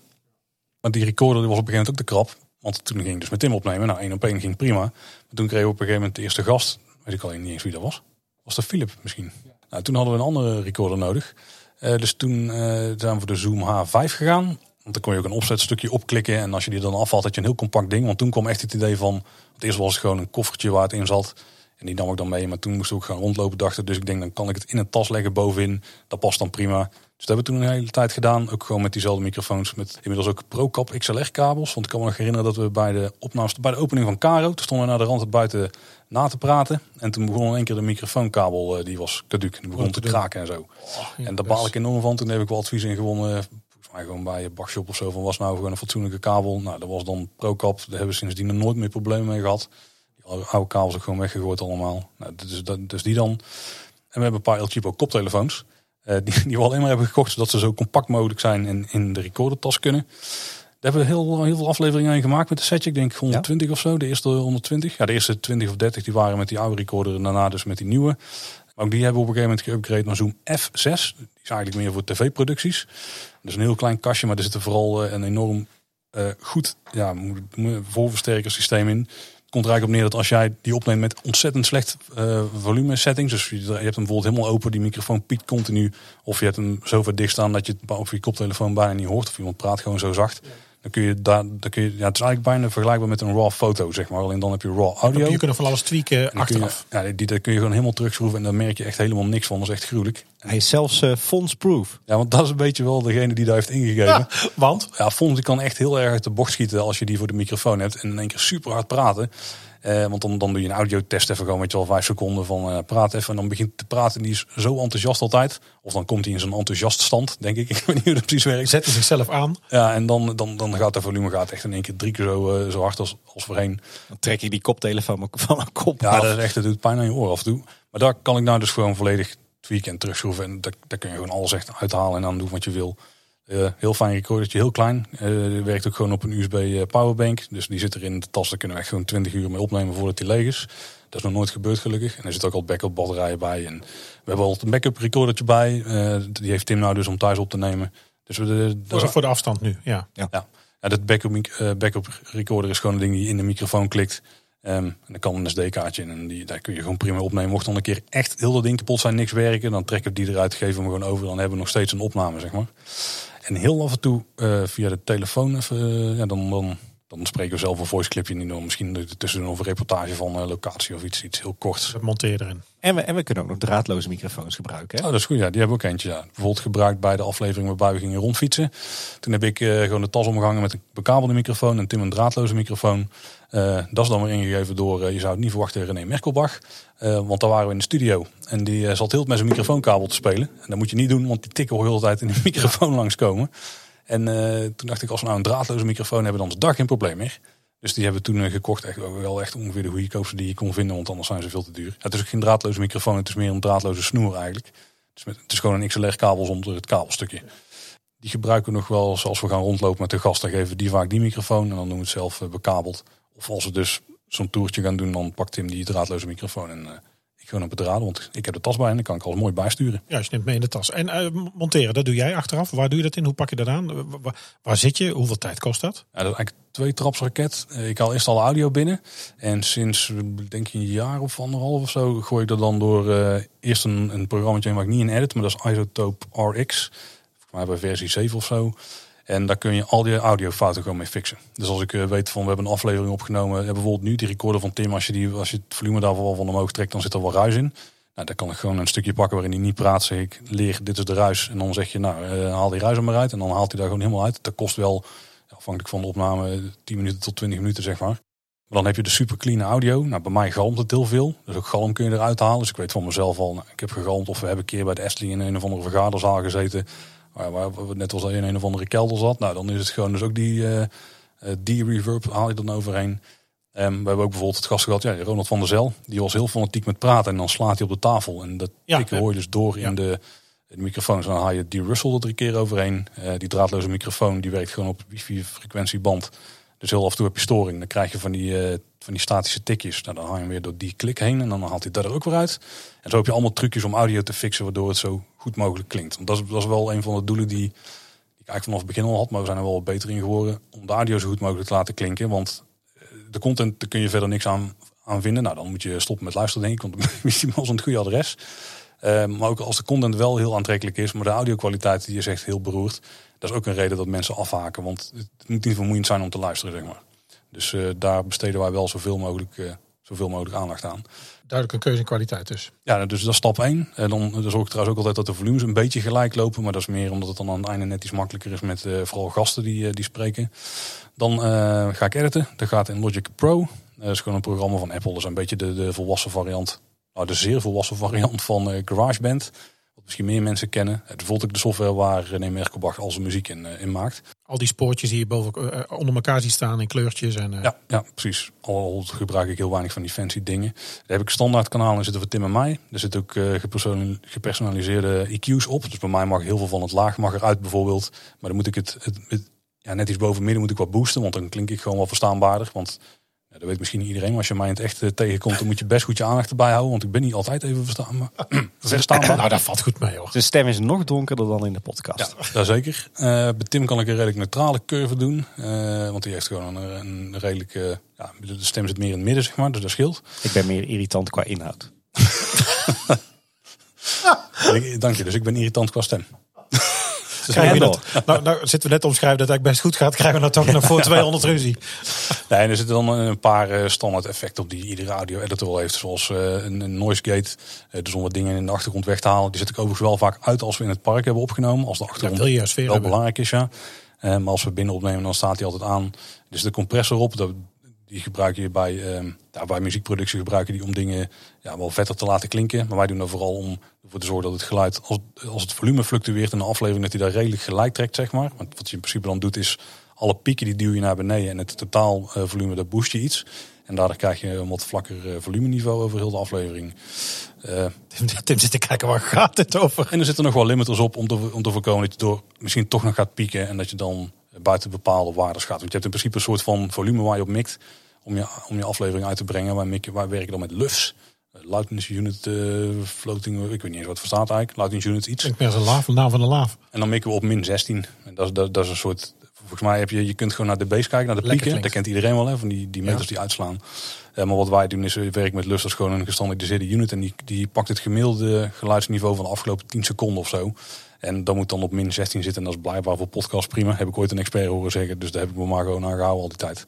Hij zegt heel de tijd wij, maar dit is echt Paul's ding. Hè? Ik zit hier echt te kijken van waar heeft die man het over? En hoor je het ook een keer. Leuk. precies. Zit je, zit je ook eens te kijken, plag van de waarom we bij bouwbesluiten zitten? En, En als we dus een gast hebben, dan meestal uh, pak ik Tim's spoor, die, die dupliceer ik dan. Daar zet ik de gastaudio op. Dan kijk ik even van, uh, klinkt die stem goed? En soms stuur ik het bij, maar dat is meestal niet nodig. Omdat Tim dus, wat ik al net al zei, een redelijk neutraal kanaal heeft. Ik pas wel altijd het inputsignaal aan, want dat is bij iedereen toch net wel anders. Uh, toch zitten daar wel verschillen in volume. En dan gaan we editen. Dus dan sleep ik die audiofiles erin. Die moet ik soms gelijk zetten nu, omdat we op afstand afnemen. Soms ook met meerdere mensen tegelijk op afstand. die moeten natuurlijk wel gelijk lopen. En wat dan heel relaxed is aan Logic Pro, is dat je dan gewoon kunt zeggen, um, haal alle stiltes maar eruit. Dan haal je in principe gewoon een setje blokjes over. En met iedereen stukjes audio waarin ze echt iets zeggen. En soms gewoon iemand die kucht of weet ik veel. Nou, die kun je dan super makkelijk selecteren en eruit knikkeren. En soms dan, uh, ja, dan, wat ik in principe doe, is we beginnen gewoon voor van de aflevering. Ik zorg dat het introotje, daar staat er standaard in, dat we daarop beginnen met uh, praten. En dan uh, op het moment dat de audio naar beneden gaat, want ook daar zit er gewoon standaard in. En dan is het gewoon een kwestie van uh, luisteren. Maakt iemand een foutje of een verspreking, dan haal ik die eruit. Uh, soms haal ik wel extra eurs eruit en, en, en, een keer een smak van de mond of zo. Dat doe ik vooral in het begin. Want dan, dan in het begin denk je van wow, die gasten die weten echt wel waar ze mee bezig zijn. En aan het einde heb je je hoofd die conclusie getrokken. Dus dat maakt het wel minder uit. Of je bent in slaap gevallen. Dat, dat ook nog wel eens bij onze luisteraars. En dan, dan werken we zo heel de aflevering door. En aan het einde dan, ja, dan is het eigenlijk gewoon zo dat de lengte van, van het bestand goed is exporteren. Dan, oh, ik, tussendoor doe ik wel de hoofdstukjes ook erin zetten. Dat doe ik al in Logic. En daarna heb ik een tooltje dat heet Forecast. Eigenlijk is het dus een drie of vier traps raket. maar, de edit is dan in principe klaar. Heb ik gewoon een wave-file. En in Forecast, uh, dat is een programma van een podcastmaker. Daar kan ik gewoon dat bestand inslepen. Die, die herkent dan alle hoofdstukken, die zet hij erin. Uh, die weet al dat het een kleine boodschap podcast is. Dus die zet de show art in het bestand. Dan kun je de titel invoeren, de tekst. Dan exporteer ik het. Die weet op dat moment ook hoeveel, hoe groot de mp3-file is die eruit komt. En wij exporteren altijd op uh, niet schrikken 96 kilobit mono. Mono, want ja, stereo in een podcast dat maakt echt geen zak uit. Heel veel mensen luisteren met één oortje, dus waarom zou je dan überhaupt stereo hebben? Ik had laatste podcast, toen miste ik een deel van het gesprek, omdat die hadden de kanalen gescheiden. echt volledig. Dus toen hoorde ik gewoon niks de helft van de tijd. En 96 kilobit, omdat daarvoor sprake is dat prima. Uh, en je krijgt het allerkleinste audiobestand dat nog enigszins fatsoenlijk klinkt. Ik zeg 96 kilobit. Volgens mij is dat 64 kilobit. Volgens mij staat er 64 ja, in. 64, ja. En uh, voor audio dat is wel heel erg slecht. Dus de enige aflevering die ik in hogere kwaliteit heb geëxporteerd, dat is die met uh, aflevering 100 met René. Want ja. daar zat muziek in en die wou ik dan wel beter uit laten komen. En zo krijgen we een hele kleine, heel klein bestandje. Wat mensen dus snel kunnen downloaden. wat je ook vaak over je 5G of 4G netwerk kunt downloaden. En waar wordt het gehost? Waar staat het bij jullie fysiek? Dat is de volgende stap. Uh, wij hosten de audiofiles bij fireside.fm. Dus ook weer een, een uh, gewoon iemand die podcast maakt in een Amerikaans podcastnetwerk heeft. Vooral met tech podcast die ik vroeger heel vaak luisterde. Die heeft gewoon zelf zijn eigen host gemaakt. Ook met, gratis uh, betaald? Nee, dat is betaald. Ook met de statistieken die dan... hebt, trouwens, je hebt misschien wel een gratis variant inmiddels. Maar wij betalen. Die ook de statistieken doet volgens... ja, je hebt volgens mij de UBI of zo standaard, weet ik veel wat met, met tellen. Dat behoudt hij zich ook zo goed mogelijk aan als dat de statistieken redelijk, redelijk betrouwbaar zijn. Uh, maar de site zelf die komt, die staat dan weer bij Squarespace. Dat is zo'n gratis host. Nou, als je een Amerikaanse podcast luistert, dan moet je daar gegarandeerd van hebben gehoord. Want die maken overal reclame. De, voorheen we daar de podcast, maar daar, daar, ja, dat had een paar nadeeltjes. De bestanden hebben daar weggehaald. Die staan allemaal verstaan bij Fireside, maar bij Squarespace laden die dan in. En die regelen dat wij een fatsoenlijke RSS-feed hebben. En dat die wordt gepubliceerd op het juiste moment, et cetera. Dat het allemaal aan die kant. Heb je nog een backup? Bewijs je zelf ook erg zelf? Ja, ik heb een uh, NAS lopen die downloadt gewoon iedere maandagochtend automatisch de aflevering. Er staan ook alle, uh, raw, zeg maar alle ruwe bestanden, gewoon alle edits staan erop. trouwens ben vergeten te vertellen dat we heel af en toe editen we in Ferrite. Dat is een iPad-app. Dat is vooral als ik zelf bijvoorbeeld op pad ben of op vakantie. Dan download ik het gewoon daarop. En dan is het gewoon s'avonds af en toe een half uurtje zo te editen. Daar gaat een stuk minder snel. Die, die app werkt veel beter voor podcasts. Alleen ik edit op dubbele snelheid. Dus eh, als ik luister, dan, dan hoor ik ons twee keer zo snel praten als normaal. Want het gaat mij vooral om de bespreking. En je kan Ja. het op die moment op, op die manier gewoon uithalen. Ja, je hebt het mij eens laten zien. Ik heb eens naast jou gezeten. Je ziet, maar jij ziet ook versprekingen of kuchjes of eh, Ja, smakken van Tim. Die herken je aan de uitslag. Hè? Ik, ik, ik herken bepaalde waveforms. Ik kan precies zien wanneer iemand eh zegt en wanneer iemand, eh Ja. ja. wanneer iemand een mondsmak maakt, zeg maar, om het zo maar te noemen. En die kan ik er dan uithalen. Want meestal zit ik vooruit te kijken, haal ik dat soort dingen er al uit, schuif ik het allemaal in dat het weer fatsoenlijk klinkt. En heel soms moet je gewoon zinnen aan elkaar knippen die waarvan je denkt dat het bijna onmogelijk is om dat als een lopende zin te laten eh, klinken. Maar dat lukt het toch. Dat heb je ook gezien? Ja, dat heb ik ook gezien. dat is eh, af en toe wel een beetje eh, movie magic. In dit geval audio magic dan, maar... Ja, want wij- knippen echt, of ik zeg weer wij, maar het is vooral Paul. Er wordt wel eh, bij ons flink geknipt. Ja. Ja. Dus wij doen niet aan in één keer alles opnemen en dat is het dan. Nee, wij, wij laten geregeld, wij maken geregeld foutjes, we laten geregeld stiltes vallen, we corrigeren elkaar. En dat wordt er allemaal uitgeknipt en dat, eh, dat knapt Paul echt eh, indrukwekkend op. En dan gaan we dat ooit nog ergens in een, eh, oh, in een soort eh, director's cut kunnen vinden. Nee, het is echt helemaal niet interessant. Al heb ik wel, het was een van de video's die ik voor het YouTube kanaal had gepland. Gewoon laten zien hoe wij een podcast editen. Dat heb je nou eigenlijk al een soort eh, stukje, een kijkje in de keuken gekregen. Want dit zat daar letterlijk in, wat ik nu net heb verteld. Ja. Alleen dan ook met gewoon het beeld erbij dat, dat we aan het knippen zijn. En hoe je dat soort dingen kunt repareren. Want dat is best wel tof. Dus dat vind ik zelf, ik sta er af en toe van te kijken hoe je het nog gerepareerd krijgt, zeg maar. Maar nee, dat is, dat is helemaal niet interessant voor luisteraars. Nee. Als er, als er iets in zit wat echt grappig genoeg is om erin te houden, dan houd het gewoon erin. Het leukste is misschien, dat, dat weten mensen ook niet, maar dat kunnen we nu wel verklappen. Dat wij doen altijd een audiocheck aan het begin van de aflevering. Eh, we hoeft trouwens niet nu op afstand eh, opnemen, maar als we fysiek opnemen bij elkaar of in het park of met gasten, doen we altijd aan het begin een audiocheck. En Paul heeft dan eh, altijd dezelfde ja, lumineuze zin. Eh, wat heb jij ontbeten vandaag? Dat is, dat is de eerste check. Ja, volgens mij hebben we dat een keer geleerd van Ron. Die Dat is jullie vraag ter vragen. Ja, Ja, dat doen we vooraf en dan eh, vertelt iemand wat hij heeft eh, gegeten. En dan doe ik even aan de knopjes draaien. Heel interessant. Totdat het ongeveer een beetje gelijk staat. Ja, dus, dus ook beginnen wij altijd, ja. En de, de audio vooraf, de, de, de, jullie leader, jullie opener zeg maar. Wie heeft die gemaakt? Die heb ik zelf gemaakt. En, en ik, ik, nou, ik hoor een kloppend hart. Is, de, is dat een kloppend hart voor de Efteling? Is dat, zit daar iets achter? Er zit, voor zover ik weet, niet bewust een kloppend hart. En er zitten wel wat drums in die, denk ik, wel dat ritme volgen, ja. Ja. Eh, dus ik denk dat je die bedoelt. Maar daar zit geen idee achter. Nee, dat was iets wat gewoon eh, klopte bij de muziek die op dat moment draaide. Maar hoe heb je die gemaakt? Ook in Logic. Oké, Logic. Ik wilde iets, doen wat een beetje Eftelingsachtig klonk. Wat in ieder geval eh, daar zeker niet eh ver van af staat. Dus niks eh, zwaar elektronisch of zo. Gelukt, denk ik. Nou, alleen dan kom je dus heel erg snel wel bij het stukje dat je...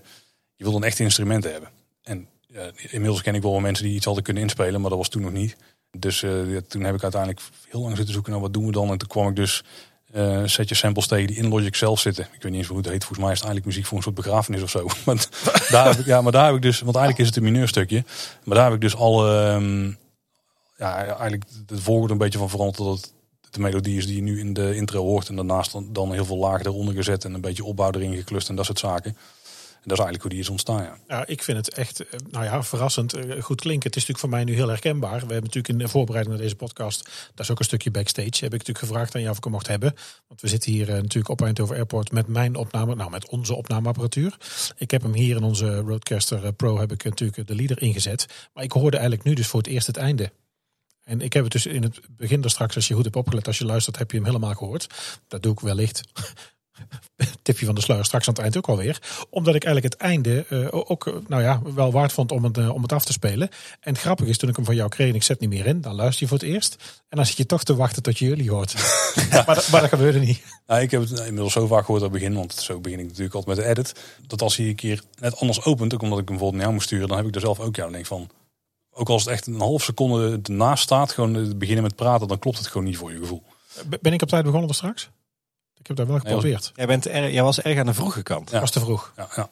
Te vroeg. Wat trouwens, wat trouwens wel leuk is, en eh, daar zie je ook weer dat we vooral focussen op die inhoud en de diepgang, is dat wij natuurlijk geen hele hippe audiovormgeving hebben. En dat is eigenlijk wel een bewuste keuze, toch? Ja, ja, dat doen we expres niet, nee. Want eh, het gaat bij ons echt om de inhoud, dus daar moet het ook om gaan. En iedere keer als je naar audio zit te luisteren tussendoor, dan hebben wij het niet over de inhoud. Dus daarom doen wij het niet. We hebben wel heel lang zitten stoeien, eh, dat, want we wilden eigenlijk net als de Efteling, dan heb je een welkomst eh, muziekstuk tegenwoordig. En je hebt ook eentje als je weggaat. Eh, dus deze heet ook KB Welkom, heet de file ook.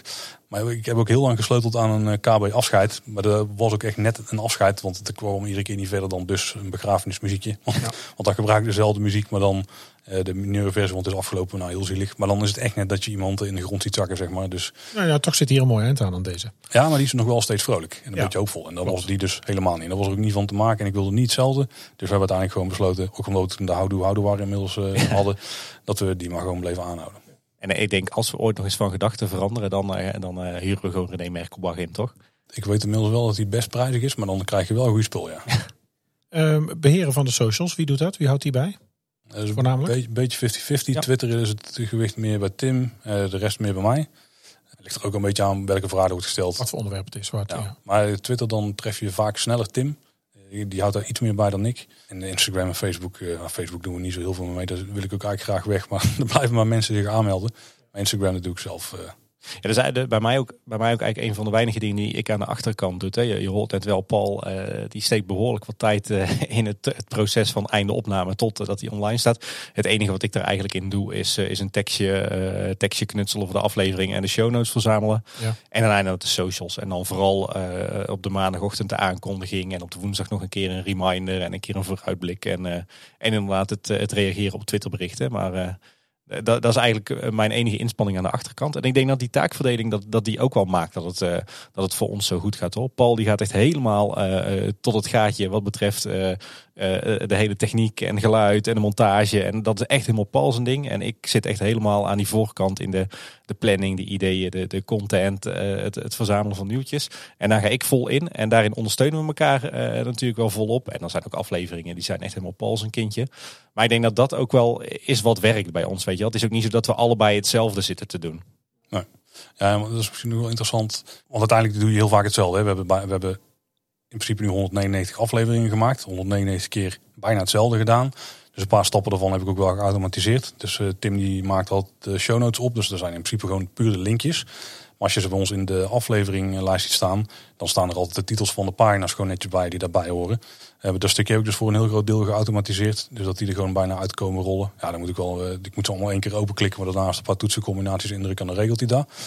En we hebben het inmiddels ook zo ingeregeld dat we, als het echt nodig is, want het is pas twee keer gebeurd, eh, dat we een volledige aflevering kunnen maken op een iPad zonder, ja, dan is het eigenlijk gewoon op een iPad of het kan zelfs op een telefoon. Ik heb er wel van die ehm, shortcut scripts voor gemaakt, die dan eh, ook bijvoorbeeld de mail van Tim gewoon pakken, alle links eruit trekken en dan daar de show notes van klussen die kan kopiëren, plakken in, in uiteindelijk de website. Ja, nou, de website, mooi dat je dat zegt. Ziet er ook goed en strak uit. Altijd bijgehouden. Wie dat doet, dat doe jij ook. Ja, maar dat is ook met dank aan Squarespace, want die hebben gewoon templates die er heel goed uitzien. En ik kan gelukkig nog wel, nou ik kan wel redelijk veel met CSS, dus met de opmaakcode achter onze site. Dus ik heb hem wel getweakt zodat hij voor ons eh, net iets beter werkt en dat er wel fondsen in zitten die we anders niet eh, hadden kunnen gebruiken. Eh, als je nou een, een tip zou hebben voor iemand die een podcast wil beginnen of maken. Wat is nou wat is jullie gouden tip voor een podcastmaker? Startend.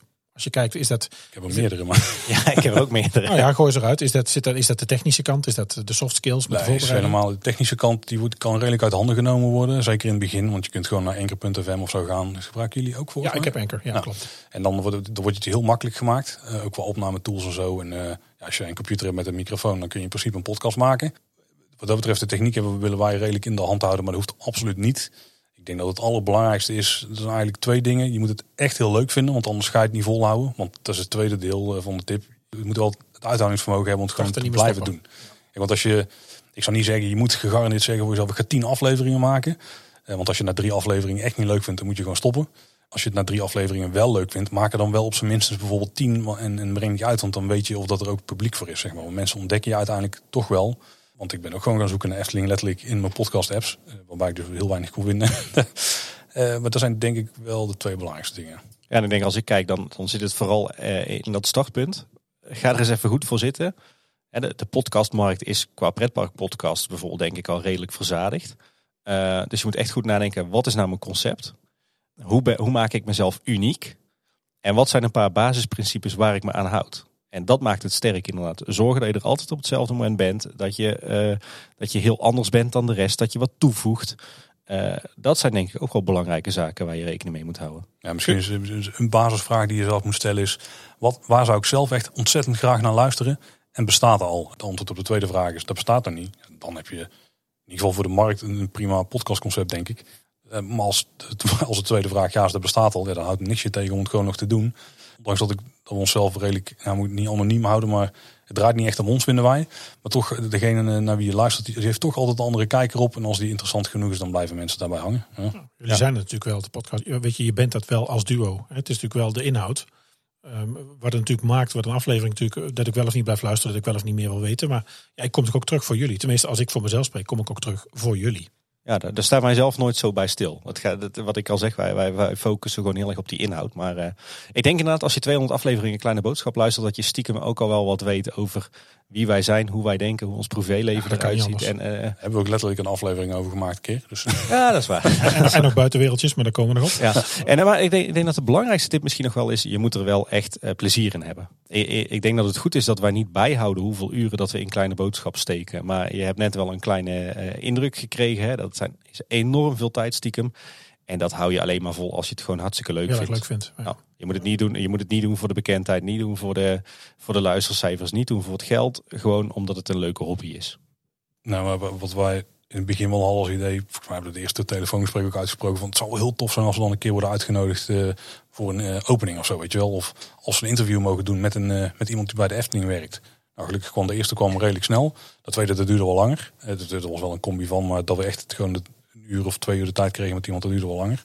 Maar daar, daar begin je niet mee. Dus daar moet je niet van uitgaan dat dat gaat gebeuren. Nou maak je eigenlijk onbedoeld mijn bruggetje naar het volgende onderwerp. Maar dat is zometeen de mede- medewerking van de Efteling. Maar wat ik eerst nog wilde weten is, wat is nou het gekste wat er gebeurd is tijdens een opname? Eh, Tim zei er straks ook al, eh, die vroeg aan mij nog even halverwege, heb je al op record gedrukt? Dat is ons al meermaals al overkomen. Dat is zeker met een interview of met iets eenmaligs natuurlijk ontzettend lullig. Nou ja, het is ons Zeker. gebeurd bij eh, Fons Jurgens. Die waren aan het interviewen. Het interview van Fons. Ja. Bij de Zwanen volgens mij. En ik kijk naar een minuut of vier op mijn eh, recorder en ik denk, hm, ik heb niet op record gedrukt. Oh, en dan, dan, ja, en dan moet je toch gaan Ja, zeggen. de, de Fons die, die, die vond het verder prima. Toen, het ging wel iets vlotter. Het stukje daarna, zeg maar, de samenvatting van vier- wat we in vier minuten hadden besproken, was toen in één keer nog maar 2,5 minuut, denk ik. Maar Ja, en we hebben een keer gehad eh, tijdens ons rondje wereld van de Efteling. Toen werkte ik met de draadloze microfoon en jij met de bedraden microfoon, Paul. En die Oh. draadloze microfoon die zette ik telkens uit en weer aan. En toen stond op een gegeven moment ergens op het punt dat ik dacht, ik ben vergeten die microfoon aan te zetten. En hoeveel hebben we nu gemist? Is dat een minuut? Is dat, zijn dat 20 minuten? Is dat de hele fietstocht? Want we waren toen al, nou zeker twee uur onderweg in de brandende zon. Opnieuw. Viel achteraf gelukkig mee. Maar dat is wel heel lang eh, een, een klein beetje een angst van mij geweest van... oh jee, het zal je toch maar gebeuren dat je inderdaad vier uur hebt opgenomen. Ja, En, eh, en dat blijkt dat er niks op band staat. dat is pijnlijk. En, en verdere bloepers, gekke dingen? Ja, we hebben nog een keer in het Antropiek Museum gehad. dat was eigenlijk de aanleiding dat ik sindsdien altijd check, check, dubbel check doe. Dat, we, eh, dat was niet met Francine. eh, maar dat- we hebben toen ook nog even gesproken met Pieter Aurik. Ehm, dat ging toen over eh, de Antropiekbeurzen. En toen hebben we volgens mij wel een half uur met hem gepraat. En dat we daarna er pas achter kwamen dat de band niet liep. volgens mij een minuut of 20. En de tweede opname daar, die duurde maar 10 minuten. Dat moesten we ook weg, dus dat scheelde. En daar zit ook wat tijdsdruk op, ja. Ja. ja, en de meest lollige opname was denk ik wel... We hebben ooit een keer een 1 april opname gemaakt. Een ode aan Pandadroom. Die duurt geloof ik een minuut. Die was al hilarisch. Maar toen hebben we daarna als... als Alle, details van details. Ja, maar, daar, maar daar kwamen we echt gewoon niet doorheen. Die, opname die duurde 10 minuten en daar is anderhalve minuut van overgebleven of zo. Gewoon dat we heel de tijd in de lach schoten. Ik kon gewoon echt niet serieus blijven. Nee, volgens mij heb je, was dat ook de enige aflevering ooit waar wij bloopers, bloopers aan hebben Ja. gezet. En toen daarna hebben we, om die aflevering te vervangen, de dag erna hebben we eh, alle schilderijen in de salon van de stoomcarousel besproken. Ja, nou, een heftige aflevering. En ehm, dat was, ei- die was eigenlijk hilarisch om op te nemen. Achteraf ook best wel serieus. Daar hoor je niks van. We hebben ons komt eigen echt heel slap gelachen. Het is alsof je door het Rijksmuseum een rondleiding krijgt. Het is echt op, op diepte en je denkt, nou, dit is echt weer een kleine boodschap. Terwijl dat was echt één grote grap. En ook de opname daarvan. Hadden het van tevoren al met de Efteling geregeld. Ja. Maar je kan je dus voorstellen dat daar dus twee volwassen mannen met microfoon en koptelefoons één voor één al die schilderijen langslopen. Terwijl achter ons de molen draaide met, eh, met gezinnetjes. En eh, Mensen zaten te eten daar. Ja, stond toen aan die tafeltje. hier. dat was echt een, een absurde, absurde Wel gewaarwording. eens ongemakkelijk gevoeld of vaak ongemakkelijk gevoeld met opnames of met podcasten. Ik vond de eerste keer wel, nou laat ik voor mezelf spreken, op record drukken en dan beginnen was wel, oh, dat vond ik heel spannend. Of ook wel eens onze, we hebben in, ik heb met zo'n in Worsten op zitten nemen naast eh, Lincoln Memorial. Ja, dat vond ik ook gek. Ja, in het begin eh, starten is dan wel lastig. Dat duurt dan ook twintig keer en dan denk je van nou, nou is het wel prima, we gaan gewoon beginnen. En, zo'n avondboodschap met publiek voor het eerst. Dat je denkt, wow, dit zijn luisteraars, joh, wat gaan we nou krijgen? Nou, wat, wat daar wel fijn van is, dan heb je natuurlijk niet door als je alleen de opname luistert, maar je verzamelt dan eerst. En dan sta je met iedereen te kletsen en dan voelt het al een beetje als een gezellige groep.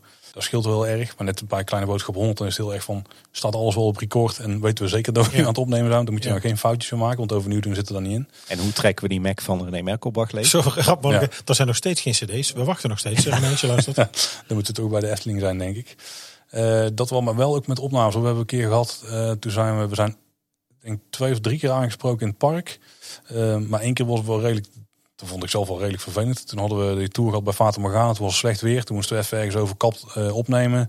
Eh, en toen zijn we gaan staan naast de Vrolijke Noot. Toen, toen was toen net een maand of twee open. Maar daar staat geen Efteling personeel. En toen werden we eh, ja, minder... eh zeggen, alle Minder Efteling- begrip aangekeken. nou, als iemand van de Efteling aanspreekt, dan is het al van, hé, hey, wat zijn jullie hier aan het doen? Ah, leuk, weet je wel, dit en dat. En eh, die waren echt heel erg van, eh, waar zijn ze hier helemaal de grond in aan het boren of zo. En dat kwam ook echt zo over. Maar uiteindelijk was het ook verder prima. We hadden ook gewoon een brief bij dat we dat mochten die dag. Dat het Michelin er stond. Ja, nee, kijk, als we opnemen in het park, in principe hebben wij een soort vrijbrief om dat wel te doen. Maar we vragen het altijd gewoon netjes. En dan krijgen we ook gewoon een briefje mee van de communicatie van, nou, dit zijn Paul en Tim en die nemen, op, eh, die nemen dan dan op. Eh, nou, en dan is het altijd wel prima. Eh, het komt ook wel eens voor dat we tijdens opnames worden aangesproken door mensen. Eh, soms is dat heel leuk. Maar soms dan heb je ook wel eens eh, mensen die, die vinden het blijkbaar heel spannend dat je, dat je daar aan het opnemen bent. En die vinden het nodig om continu in je microfoon te schreeuwen en niet weg te gaan. Dat is gelukkig maar een paar keer Oh ja. gebeurd. Maar ja, verder, ja, weet je, je hebt op een gegeven moment heb je 200 afleveringen gemaakt. En we zijn nu denk ik wel op een punt, of dat zijn we al wel, denk ik, sinds aflevering 100, dat ja, het is gewoon een klein beetje ook je tweede natuur, weet je wel. Wij gaan zitten, ongeacht waar we zitten, of we binnen, buiten zitten, in de Efteling of thuis. eh, en je drukt op start en we gaan praten. Eh, ongeacht wat het onderwerp is of eh, welke tijd van het jaar. Dus dat is nu tegenwoordig zo- zo'n routine dat het in ieder geval niet meer ongemakkelijk voelt om in een microfoon te praten, om je mening te geven, om in de Efteling te vertellen over Polka Marina. Dat hebben we nu al zo vaak gedaan. Dat is gewoon routine. Maar het is wel dat je af en toe ergens bent en dan sta je te kletsen met de mannen van Team Talk of de kom je Parkbaan tegen of eh, Danny of zo, die is er. En is het wel van, nou ja, gezellig, we moeten even opnemen. Dus wij draaien ons even om en dan is het toch gewoon letterlijk draaien om, microfoon gaat aan en meteen, we meteen eh, beginnen. En start, ja. Nou, er is dus medewerker van de Efteling. Maar hoe, vonden zij eh, dat toen je eigenlijk net begon? En hoe vinden ze het nu? Zit daar ontwikkeling in? Is daar iets in veranderd? Ja, dat is heel veel in veranderd. Ja, zeker. eh, je moet niet denken van ik ga iets maken over de Efteling. Ik ga er iets van media over maken, zeg maar. Laat de podcast zijn, een vlog of, of een blog of net whatever. Je gaat daar niet meteen medewerking krijgen. Helemaal niet zelfs. Het is gewoon, eh, we- de eerste keer dat we communicatie aanschreven was volgens mij voor aflevering 7. eh, als ik het heb. Volgens mij was het de eerste met Chris, eh, met de fotograaf. Want toen wilden we in het park opnemen. Hadden het op dat moment nog niet gedaan. Ik denk, nou, dan ga ik voor de zekerheid maar even checken of dat daar wel Je wilde niet mag. stiekem beginnen of gewoon, nou, we gaan gewoon kijken wat uitkomt? Nou, het is meer van je gaat dan toch lopen. Er zijn gasten en zo. Nou, en toen, dat was de eerste keer. Toen was het ook meteen, nou, oké, even bellen. We gaan jullie doen. Ja. Die zijn iemand, ze hadden volgens mij nog nooit van ons gehoord. In ieder geval niet degene die wij toen aan de lijn kregen. Ja, en dat, was, dat is nog redelijk afstandelijk. Want we hebben uiteraard ook wel eens, eh, volgens mij redelijk vroeg al ingestuurd van... we zouden René Merkelbach wel eens willen ondervragen. Ja, dat is gewoon, antwoord is gewoon nee. Die deur zit in principe gewoon op slot. Je moet je eerst echt bewijzen. Je moet laten zien dat je serieus bent. Nou ja, ik zeg het allemaal op deze manier. Dat is hoe wij het hebben ervaren, weet je wel. Wat in ieder geval voor ons heeft gewerkt. Nou, je mag zomaar niet, je zei het er straks ook al, je mag zomaar niet met het merk gaan lopen. Dat is natuurlijk heel goed, denk ik. Nou ja, ze zeggen, ik denk dat als wij eh, Efteling podcast hadden geheten of zo, of Efteling cast, dan hadden ze dat misschien niet heel tof gevonden. Eh, volgens mij is eh, het logo mag je in principe ook niet gebruiken en dat soort zaken. Eh, maar er zijn regels, ja, dus bij ieder bedrijf zal er wel een beetje regel zijn, want we zijn geen officiële uiting, dus dan mag het niet.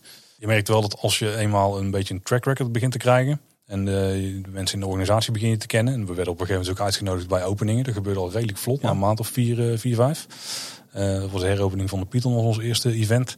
Dat was ook wel een redelijk groot event. Dus misschien waren wij er net de, weet je wel, we mochten net aanschuiven, was er net plek voor.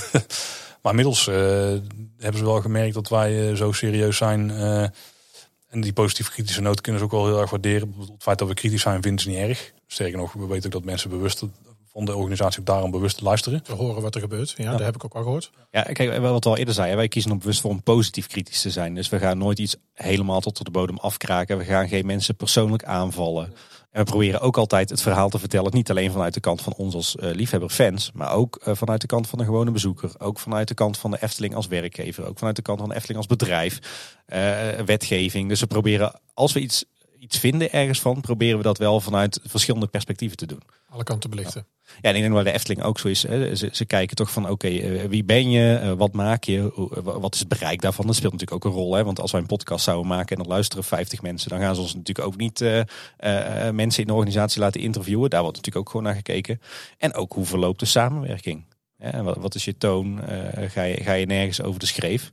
Maar, maar mijn ervaring is dat eigenlijk vanaf, ja, eh, nou zeker vanaf de vijftigste aflevering, maar ik denk daarvoor ook al wel, dat we echt volop eh, medewerking krijgen. We kunnen altijd bij de Efteling terecht. We hebben een vast contactpersoon. Kunnen we alles aan vragen, eh, allerlei ideeën droppen. En natuurlijk kan lang niet alles. Hè. En we proberen zelf ook geen idiote vragen te stellen. Nee. Dus we komen met de realistische ideetjes waarvan we denken dit kan leuk zijn voor ons, maar ook goed voor de Efteling. Nou, en mochten er nog ideeën zijn, dan, dan heb ik nog wat. En ook een bewijs van die samenwerking eigenlijk. Luister maar even. Hoi Tim en Paul, Steven van Gils van de Efteling hier. Allereerst van harte gefeliciteerd alvast met jullie 200ste aflevering. Ik luister eh, met heel veel plezier naar jullie podcast en ook zeker met heel veel interesse naar jullie feedback. Dus ga vooral zo door. Natuurlijk heb ik ook een vraag aan jullie. Wat is jullie grootste wens nog voor Kleine Boodschap? Misschien kan ik daar zelfs iets in betekenen, maar eh, ik beloof niks natuurlijk zoals gewoonlijk. Houdoe!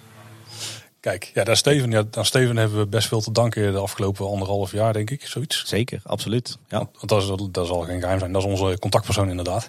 En we hebben, ik denk dat ik met hem ook onderhand net zo'n hotline heb als met jou, Paul, af en toe. Nou, maar hij, hij kan niks beloven. Dat is wel het punt. En, en dat weten we ook. Dus als dingen niet kunnen, dan kunnen ze niet. Eh, maar er kan wel steeds meer. Ehm, nou, om zijn, zijn vraag te beantwoorden, zouden we nog graag willen. Ja, we hebben, we hebben nu as we speak een lijstje met, eh, met 15 ideeën bij hem liggen. En eh, ja, daar wordt gewoon op een hele serieuze manier naar gekeken. En eh, En kun je iets noemen hier? Wil je een tipje weggeven? of zo? nee, dat gaan we natuurlijk niet doen. Dat gaan we Nee, natuurlijk nee, niet het gevaar van dat doen is dat je beloftes maakt die je misschien niet kunt nakomen. Dat er Ja. toch weer dingen veranderen. En dat doen we liever niet. Eh, weet je wat is, droommens? Ik, ik ben, ik word eigenlijk al gelukkig als we gewoon af en toe een keer met, met medewerking van de Efteling eh, een Eftelinger te spreken krijgen. Of een kijkje achter de schermen krijgen. En een keer worden uitgenodigd voor een opening van iets. Dan ben ik eigenlijk al gelukkig. Maar om nou te zeggen, één droomwens. Nou, de droom is denk ik dan om een eh, zo dekkend mogelijk archief van afleveringen te hebben over de Efteling-organisatie. Dus dat we van alle hoeken van de organisatie gewoon een keer iemand te spreken krijgen. We hebben bijvoorbeeld al een keer bij minder voor de hand liggende mensen gezeten als van HR. Ja. Eh, wat in eerste instantie misschien niet interessant lijkt, maar ik vond het ook super interessant verhaal wat daarom wordt gehouden. We zijn bij Mario geweest over het groen. Oké, we moeten niet te veel dingen verklappen. We hebben eh, recent ook nog andere interessante hoeken van het bedrijf gesproken. Maar er zijn ook heel veel andere interessante hoeken waar we nog wel meer over willen weten. Nou, ik kan wel stellen dat, dat aflevering 200, dat dat wel een droomwens was die in vervulling eh, is gegaan. Ja. Absoluut. Ja. Ja, en het lijkt me wel tof op, om op plekjes te kijken waar je nog nooit bent geweest. Hè. Denk aan het archief of het Gildenhuis of achter de schermen bij Ravelijn of achter de schermen bij het theater. Er is nog genoeg. Er, eh, er zijn nog heel wat, eh, wat wensen. Maar weet je, we zijn daar gewoon heel reëel in. Kijk, in, de in principe hoeft de Efteling niet met ons mee te werken en, en ja te zeggen. Hè. Dus iedere keer dat wij iets mogen, dan, eh, dan zijn we daar dolgelukkig mee. Ja, de droomwens is eigenlijk dus, de samenvatting zou zijn dat de samenwerking zo blijft en dat je het contact blijft houden zoals het nu loopt. Als dat zo zou blijven, dan zou dat dat dus betekenen. de inhoud kan blijven geven. En als je nou gaat over, eh, laten we zeggen, Kill Your Darlings, gewetensvragen. Wat moet er offline? Waar ben je minder trots op? Waarvan denk je eigenlijk van, Oh, ai, springt er eentje bij mij ver bovenuit. en deze? Dat is de aflevering over het eh Landalpark in Kaatsheuvel. Eh dat vind ik veruit de slechtste aflevering die we uit hebben gemaakt. En waarom? Nou ja, dat, dat- we hebben toen de tour gehad bij, ehm, bij het Guesthouse Hotel. En dat was echt een super interessant eh, verhaal. Daar, daar, daar, kwam ook veel meer Efteling informatie naar boven dan ik vooraf had verwacht. Omdat Koen Schelvorst die daar de tent runt en een, een ruime Efteling historie heeft. Eh, maar ook gewoon het, het verhaal over het hotel zelf en waarom het er staat. En nou, weet je wat, het idee erachter was super interessant. Ja. Dus wij dachten, dat gaan we bij Landal ook doen. Ja. En weet je wel, weer een nieuwe eh, ontwikkeling eh, in Kaatsheuvel. Ook waarschijnlijk ook veel mensen die in de Efteling gaan verblijven. Echt wel, ja, wat wel gewoon een serieuze optie is voor die mensen. Maar we kwamen eraan en tenminste die, die aflevering heb ik al ingemaakt. En we hadden hem ook al min of meer beloofd, anders had ik hem misschien wel geschrapt. Maar die, ja, die, die, die dame die begon het te vertellen, maar die wilde echt het corporate verhaal vertellen. En die had ook gewoon letterlijk opgeschreven. Die stond het bijna op te lezen van haar viertjes. En daar kwam, ja, er zitten een paar stukjes in die zijn dan wel leuk. Er waren ook de stukjes die dus niet van een A4'tje kwamen, maar die ze gewoon uit, weet je wel, bijna uit passie vertelden. En dan miste heel erg in die aflevering. Dat je gewoon iemand hebt die het echt. Ja, dus ze vond het wel heel tof wat ze deden, maar die was meer bezig met die huisjes verkopen. Verkoper, ja. Dan, dan dat ze ja, de historie van het park, weet je wel, of zo op een mooie manier. Ja, Ja, en v- volgens mij was ik daar ook niet bij, omdat die afspraak echt al acht keer was verzet of dat zo. ook nog. Ja, ja. En als ik dan zelf kijk, er is één aflevering, dat er was volgens mij de titel Wat kan de Efteling leren van andere parken? En die maakten wij met, eh, met Danny, Eftelflex. En dat was een heel leuk concept. Alleen ik kon daar uiteindelijk niet bij aanschuiven, omdat eh, Anne rond die tijd was uitgerekend van onze jongste dochter. Ja. Maar ik vond het zo'n vet idee en concept en ik vond daar van alles van. Dat ik dacht van nou weet je wat, dan doe ik een paar dagen van tevoren spreek ik een paar voice clipjes in op mijn telefoon. En dan plakken we die er gewoon eh, tussen en dan eh, praten Paul en Danny verder. Eh, alleen en toen luisterde ik achteraf die aflevering terug en toen dacht ik ja de audio kwaliteit is al blabberd. Maar je hebt ook nul interactie wat dat betreft. Hè. Dan wordt er ineens een, een, een voice clipje tussen gedropt. En dan merk je pas hoe belangrijk die interactie is, maar ook de chemie tussen Paul en mij. Dus, dus daar ben ik over mijn eigen bijdrage in ieder geval wel eh, ontevreden. En, en wat was te gek? Waarvan zeg je, wow, dat, zoiets wil ik nog een keer maken. Of dat was echt, nou, nou daar, achteraf zaten we echt gewoon in ons handje te klappen tijdens het monteren of toen het online stond. Oh, nee, de, de laatste heb ik heel vaak gehad. Maar aflevering 100 is sowieso echt een hoogtepunt geweest wat dat betreft. Ja. Met de luisteraars, ook de gasten die we toen hadden. Wat voor doet. Eh, en, en ook daar kwam gewoon echt nieuw materiaal boven de tafel. Wat je nog nergens anders ooit hebt gehoord verder. Eh, de muziek van René. En een, een, een kijkje in de keuken bij eh, Robert Jaap, ook super interessant. Ja, en een, ja, aflevering 200 gaan we gewoon nog een keer teasen. Maar dat was inderdaad wel een soort Nou, van... drie keer gevallen. Ik zal de vraag niet stellen, maar het wordt natuurlijk wel, het wordt, de suspense wordt Ja. nu enorm. Ja, ja. Maar dat, dat soort afleveringen ook super, super leuk om te monteren. En ook bijvoorbeeld die financiële aflevering monteren vond ik ook super leuk.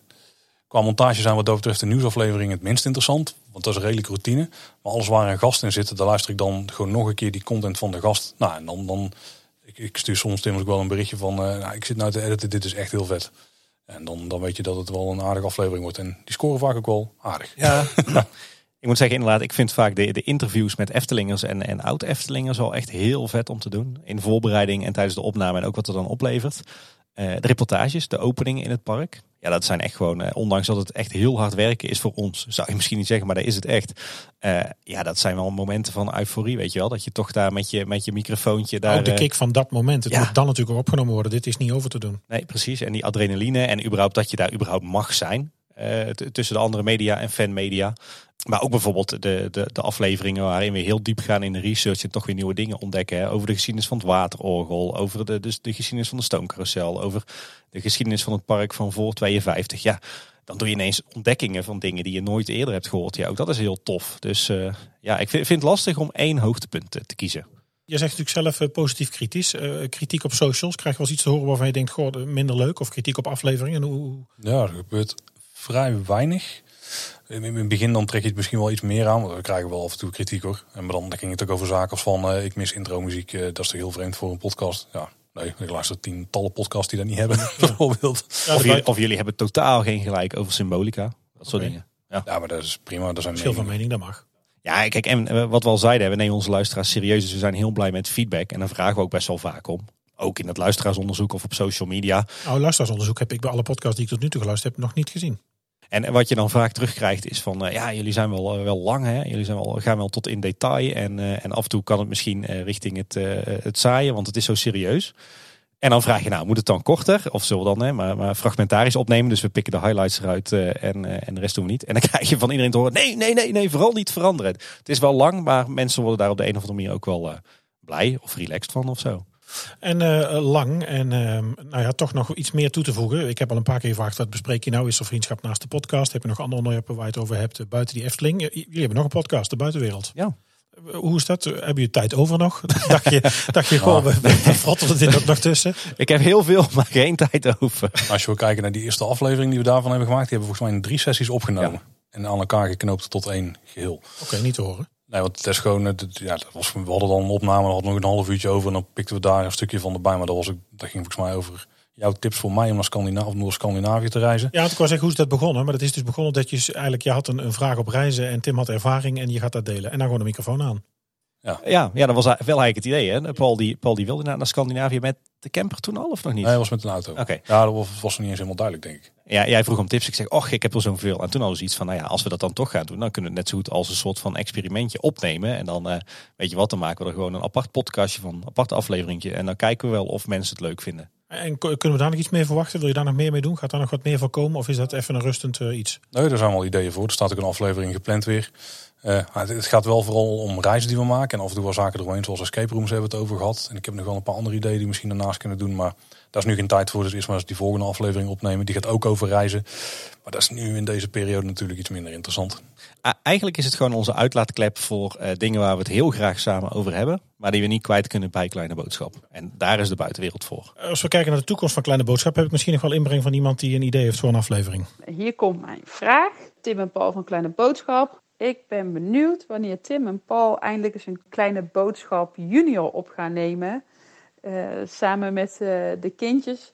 Want ik ben wel benieuwd wat eh, de dames allemaal vinden van de wereld van de Efteling. Alleen met de kindjes. Misschien een mooi voorstel. Kijk, dat is mijn Anne. Eh, ja, wij hebben volgens mij vier best wel eh, pittige dames eh, samen. Nou, die hebben we niet samen, maar jij hebt er twee en ik heb er twee. Oh, er is een onthulling hier. Yes, ik heb een scoop. ja, nee, ja, wij hebben vier meiden. Hè? Ik heb er eentje van, van twee en eentje van vier. En ik eentje van vier, die is drie dagen jonger dan die van jou. Ja. En eentje van zes, bijna. Ik denk dat er wel potentie zit in een kleine boodschap junior. Hoor. Als ik zie hoe dat, eh, dat in ieder geval die twee van mij nu al wel eens de oren van mijn kop kletsen. Ook over de Efteling en pretparken. Dan eh, zou dat ooit nog wel eens wat kunnen worden. En krijgen we nog eens een keer een rondleiding over jouw zolder in jouw collectie? ja. Je bent van harte welkom, eh, Mark. Ja, maar ook met de microfoon, ook voor andere mensen. Nou ja, we hebben al eens een keer een uitgebreide aflevering gemaakt over de, de magie of de, de, de charme van het hebben van de Efteling-verzameling. Hè? Dus dat, dat is in feite die rondleiding. Maar, Ik kan die rondleiding wel geven. En hier ziet u een sammelbak. Hey, en Tim, daar heb je nog een sammelbak staan. Even rekken, en hier bovenop staat ook nog een sammelbak. Dat is Zo- een zo sponsoring gestru- van een groot concern. ja, zo gestructureerd als, eh, als onze afleveringen zijn, zo gestructureerd is mijn zolder ook. En eh, komt er nog een aflevering die eh, een, uur, een uur bij ons Fons heet of zo? Ja, dat zou ik niet, eh, niet erg vinden. Maar ik moet, de directieleden van de Efteling zijn wel mensen die... Of eh, eh, welkom bij de opening van het lelijke eentje. Dat dat misschien nog komt. ja, nou, daar moeten we Fons daar wel een uur over spreken. Ja. Als dat ooit zover komt, dan weet ik vrij zeker dat wij erbij zijn. Ja. Nou, de directieleden op dit moment hebben er nog niet, eh, niet heel veel van in de planning zitten. Gra- Grappig genoeg spreken wij altijd de, laag daaronder of de laag daaronder. Wij hebben de- liever denk ik toch de, de mensen uit, eh, uit de inhoud eh, voor de microfoon. Ja, dat is ook wel bij de directieleden. Die zijn vaak, eh, die hebben gewoon een soort van praatplaatje wat ze willen afwerken. En dat doen ze dan ook. Repertoire. Ja, ja en, en dat is voor ons ook iets minder interessant. Ik denk als je er zoiets doet, dan moeten wel echt, dan, dan moeten de handschoenen wel uit kunnen, zeg maar. Dan moet het gewoon eh, openhartig zijn. En anders dan voegt het voor ons niet zo heel veel toe, denk ik. Ja, en ik denk ook als je, als je nu bijvoorbeeld met, met Fons zou gaan praten, kijk, heel graag hoor, maar dan zou het toch al snel gaan over dingen als de coronacrisis, de financiële situatie. Ja, en dat zijn zulke gevoelige onderwerpen, dan, dan gaat het toch al vaak in, in een algemeen praatje inderdaad. Terwijl heb je iemand voor de microfoon die gaat over eh, het groen, of over de duurzaamheid, of over HR, eh, om maar drie voorbeeldjes te noemen. Gaat het over die details. Dan gaat het over de inhoud. Ja. En die zijn jullie ooit klaar? Dit is nu 200, hè, de voorraad van 200. Gaan we 500 halen? Gaan we podcast maken eh, vanuit Nest in een rolstoel? Dat we wel in een rolstoel zitten, zo. En een rollatertje? Ja, kijk, die nieuwsafleveringen die kunnen we eeuwig blijven maken. Want dat, dat blijkt wel, zelfs nu als het park dicht is, dan blijft er maar gewoon eh, een hele stortvloed aan Efteling nieuws onze kant op komen. We hebben op een gegeven moment wel gedacht van, oeh, onderwerpen. Ja, Komen we daar wel mee uit? was met name in die eerste coronacrisis. Hè. We, hadden, we hadden de visie van we willen steeds vaker met, met experts aan tafel opnemen. We willen meer interviews met oud-Eftelingers, maar ook met mensen uit de Efteling-organisatie. Meer reportages uit het park. Eh, want ja, alle simpele onderwerpen die we zonder, zonder weken voorbereiding konden behandelen, die hadden we allemaal al wel een keer gehad. Ja, en toen kwam die, eh, de coronacrisis, de eerste lockdown. En toen vielen al die reportages in het park en al die interviews stil. En toen moesten we ineens gaan improviseren. Want toen hadden we een hoop onderwerpen nodig die we op afstand eh, konden opnemen. Nou, dat, dat ging gelukkig goed. Daarna kwam ook wel weer een opleving dat we ineens heel veel interviews en reportages konden doen. Maar eh, als ik kijk naar, naar, naar, naar mijn planning, of onze planning moet ik eigenlijk zeggen, toch een beetje een heilig document eh, voor ons. Ja, daar staan op dit moment eh, tussen de 50 en 100 ideeën eh, op. Vrij concreet. Voor dus die, die onderwerpafleveringen, voor interviews, voor reportages. Nou ja, doe dat keer twee. Hè, want daarnaast hebben we de nieuwsafleveringen. Ja, dan ben je zo twee jaar verder en 200 afleveringen voor eens een keer zonder onderwerpen zouden zitten. Maar ja, aan de andere kant, er komen ook telkens weer onderwerpen bij natuurlijk. En wat ook nog zo is, is dat we proberen niet in het vaarwater van anderen te gaan zitten. Eh, zo hebben we al zelfs wat concrete aanbiedingen gehad voor interviews. Maar we weten dat iemand anders daar ook mee, bezig is. Dan doen we dat gewoon niet. Eh, en bijvoorbeeld ook, ligt heel voor de hand om ieder sprookje uitgebreid te bespreken. Maar dat is een serie die Ochtend in Pretparkland in principe heeft geclaimd. Dus daar doen we ook gewoon niks mee. En, en wat ook nog redelijk voor de hand liggend is, is alle attracties gewoon stuk voor stuk afgaan. Maar dan zitten we weer heel erg in, ja, dan, dan gaan we FTpedia gewoon eh, een uur lang zitten quoten. En dat is ook saai. Of tenminste, dat is misschien niet saai, maar Nou, is niet jullie insteek, niet de bedoeling. Nee, lees daar gewoon bij hun. Dus, dus als we denken dat we er iets kunnen toevoegen bij een attractie, dan, hebben we, dan doen we het wel. Er staan wel een paar op de planning waarbij we dat eventueel nog kunnen doen. Maar die bewaren we ook wel voor als we echt een beetje opdrogen, zeg maar. En op dit moment, ja, ik denk dat dat, nog niet het geval. Nee, er, er komen telkens meer ideeën bij dan dat er vanaf gaan. Ja. Ja, ook doordat je aan het maken bent en dat er, nou, de Efteling natuurlijk ook altijd in ontwikkeling is en eromheen. Ja, ja, en dan gaan ook steeds meer deuren open. Hè? Want naarmate je meer oud-Eftelingers hebt gesproken, eh, die hebben allemaal ook weer contacten. En als het goed is bevallen, dan zeggen ze ook weer tegen anderen van, hé, hey, dat moet je ook eens doen. En zo werkt dat ook bij de Efteling. Kijk, hoe meer eh, afleveringen wij maken in samenwerking met de Efteling, en het gaat goed op een leuke manier en we zeggen niks verkeerds, hoe meer dat het ook weer deuren opent voor volgende afleveringen. Je hebt er al een paar keer naar gehint, eh, jullie allebei eigenlijk wel. Eh, we hebben natuurlijk nu, je hebt, nou je hebt al vier keer gezegd dat aflevering 200 eh, de moeite wordt om te luisteren. Ik ga niet vragen wat het over gaat, dat is niet netjes, dat doe ik ook niet. Ik blijf het wel noemen, maar ik krijg het niet te horen, merk ik. Nou, we kunnen wel een tipje van de sluier oplichten. Nou, klein hij- tipje dan. Hij komt eh, uiteindelijk toch vier dagen na deze aflevering online.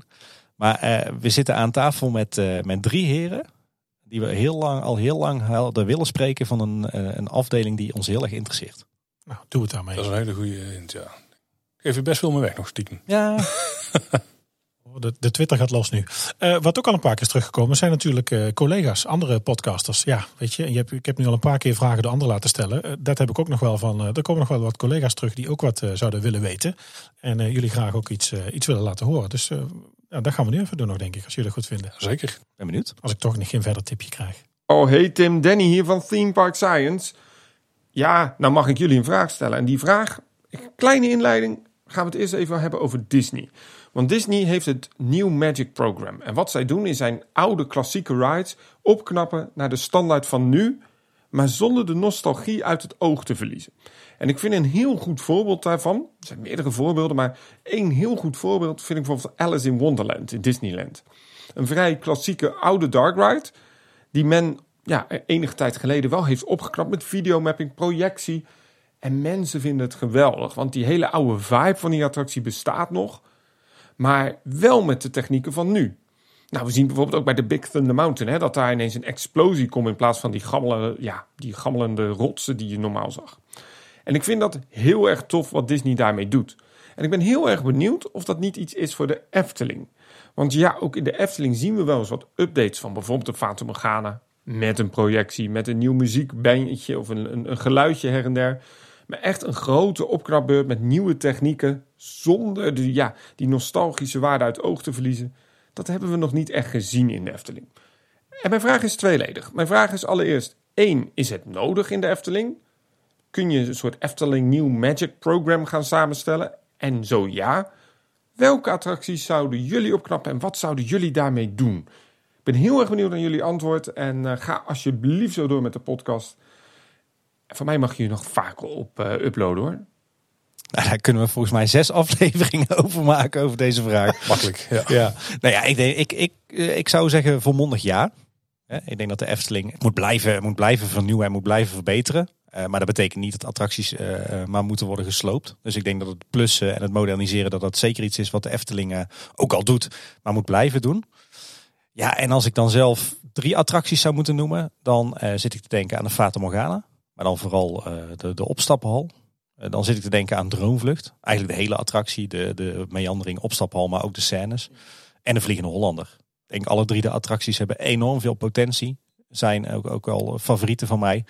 Alleen eh, ja, die verdienen allebei, eh, of alle drie eigenlijk wel eh, eh, wat liefde. eh, om ze wat meer naar eh, ja, de huidige eh meer staat te brengen. pracht. Ja, ja. Dan doe ik er ook drie Tim, al heb ik er pas twee in mijn hoofd. Dus die derde die moet wel wordt zelf weer een komen. lijstjesaflevering Ja. stiekem. Maar geen eh, eervolle wetenschappen maken? Nee, geen eervolle vermelding mag niet. Nee, nee, nee, nee, dat doen we niet. Voor wel voor drie andere, want die jij net noemt, die vind ik ook allemaal eh, goud. Vogelrok eh, zou Ja. echt kunnen Oh, gebruiken. Eentje die misschien niet heel voor de hand ligt, maar waar ik denk dat je met wat projectietechniek echt hele toffe dingen kunt doen, is eh, Piranha. Hmm. Eh, zou je misschien iets meer op een vloed of zo kunnen doen. Je hebt daar die hele lange tunnel. Tunnel, ik denk dat je ja. daar een hele, paar hele toffe dingen wel zou kunnen doen met projectie. En dan een derde jaar Carnival Festival is misschien nogal afgezaagd. Nee, ja. Maar ja, Het mee eens. Dan, dan mag wel iets meer, er mogen iets meer werelden worden dan eh, poppen die op tapijt staan. Oké. Volgende vraag. Hey Tim, hey Paul, Ralf hier van Details. Allereerst wil ik jullie al feliciteren met bijna 200 afleveringen. Natuurlijk ook mede namens Jorn en Michiel. Ehm, ja, wij weten inmiddels hoe het voelt, 200. Dus ik weet zeker dat jullie er enorm van, eh, van gaan genieten. Ik heb ook een vraag voor jullie. Luister en huiver. Eh, net als veel andere parken heeft de Efteling eh, toch wel een beetje leentjebuur gespeeld bij Disney als het gaat om het ontwikkelen van grote gethematiseerde attracties. Denk je bij een Fata Morgana, waarbij heel goed gekeken is naar Pirates of the Caribbean. eh Carnaval Festival, waarbij Small World natuurlijk een voorbeeld was. Ik ben benieuwd eh, voor welke Disney-clone die in de Efteling staat, jullie als echte fans nu het meeste schamen. Carnaval Festival. Carnaval Hij viel net al, hè? Ja. Ja. Ja. De Efteling staat wel voor iets, denk ik. Een bepaalde sfeer, een bepaalde uitstraling en een bepaalde ja, vakmanschap. En ja, om het heel plat te zeggen, dat mist gewoon compleet bij Carnaval Festival. En daarom is het een enorm vreemde eend in de bijt die doordat hij heel lang in het park staat wel echt bij de Efteling is gaan horen. Eh, maar nee, wat mij betreft is dat de minste Eftelings attractie van het park. Kleuterhof ja. helpt ook niet echt mee, maar dat is wel de minste Eftelingse van het park.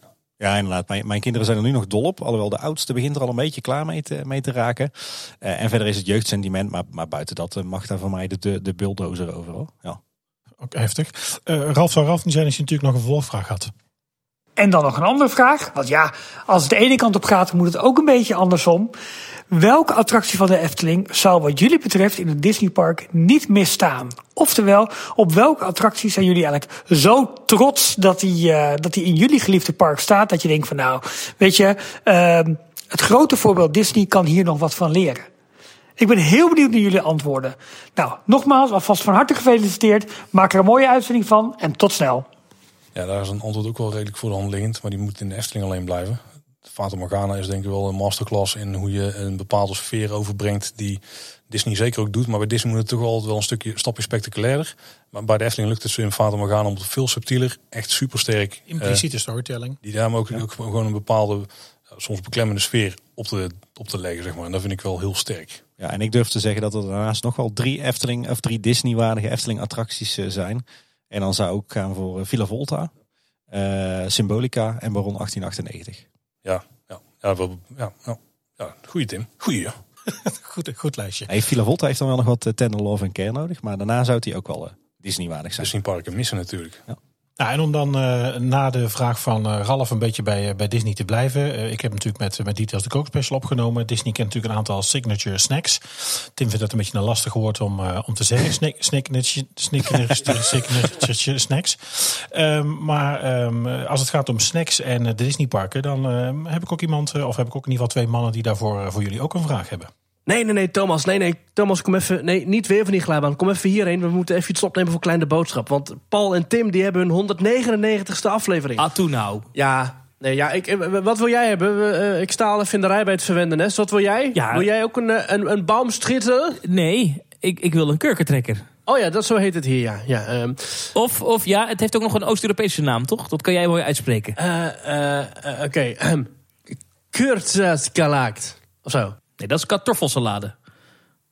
Oh, misschien is dat wel. Oeh, dat, dat hoef ik niet te hebben. Hey, nee, uh, Paul en Tim, hartelijk gefeliciteerd. Van harte. Namens, uh, namens jullie vrienden bij Team Talk. Van harte. Ja, zeker. Wij vroegen ons af, wat is eigenlijk jullie lievelingssnack uit de Efteling? Oeh. Uit het verdwenen verleden. Dus welke snack kunnen we niet meer proeven bij de Efteling? En wat is jullie favoriete huidige snack? En wat zou jullie toekomstige wenssnack zijn? Dus wat zouden jullie graag zien in de schappen ja. van uh, het ja. alsmaar uitdijende horeca-aanbod van de Efteling? Ik ben heel benieuwd. Wat is jullie uh, hè? snack hmm. van de dag? Oh, we zijn aan de beurt, Thomas. Hey, groeten. Veel plezier, groetjes. Ja, mannen, dankjewel voor jullie vraag. Nou, uh, Paul en Tim, zeg het eens. Goh, dat is een goede vraag, Tim. Dat is wel echt een vraag voor ons ook, hè? Ja, iets mijn voorbereiding was wel makkelijk geweest in dit geval. Ja, dus met, met die voice clip zo, we worden er behoorlijk door overvallen, inderdaad. Nou, zullen we eens naar het verleden gaan kijken dan? Ja. Dan, dan denk ik, ja, nou, ik weet dus eigenlijk niet zeker dat hij nog in het park te vinden is. Uh, maar toen ik uh, nog een klein jongetje was, je kan het je bijna niet voorstellen als je me wel eens hebt gezien. Toen ging ik uh, vaak op de woensdagmiddagen naar de Efteling. En dan kregen we altijd een paar centen mee om een snoepje te halen. En op een of andere reden kwam ik heel vaak bij de Witte Walvis uit, waar je volgens mij een of andere salmiakstaaf had of zo.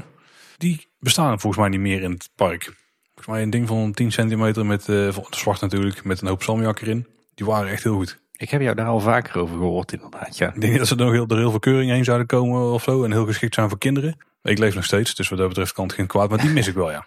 Ja, ik denk, ik, ik, ik kan zo denk ik wel tien snacks of gerechten opnoemen. Ik denk wat ik het meeste mis, tenminste wat nu meteen bij mij naar boven komt, is uh, het uh, broodje kip boem bali van uh, de Toko Pagode. En van het personeelsrestaurant trouwens. Daar was hij ook erg lekker. Daar heb ik jou ook wel eens over gehoord, ja. Ja, dat potverdorie, die waren lekker zeg. En dan de snack die ik op dit moment eh, wel het meest mijn kan bekoren. Ja, dat is eigenlijk heel simpel. Dat is de, toch de shortcake, waar we het al wel eens vaker over hebben gehad. Ja, die had ik die nou thuis gerepliceerd wordt hier. Die had ik aanzien komen. Ja, die is in ieder geval eh, wel nu favoriet bij ons hele gezin, denk ik. Ja, die is bij mij ook wel, eh, wel redelijk favoriet. Maar ik wil hem niet, niet noemen, want dan, ja, jij hebt hem al voor mijn neus weggekaapt. Nee, ik denk ehm, dat het bij mij toch wel de, de seizoenspannenkoek van Polles Keuken is.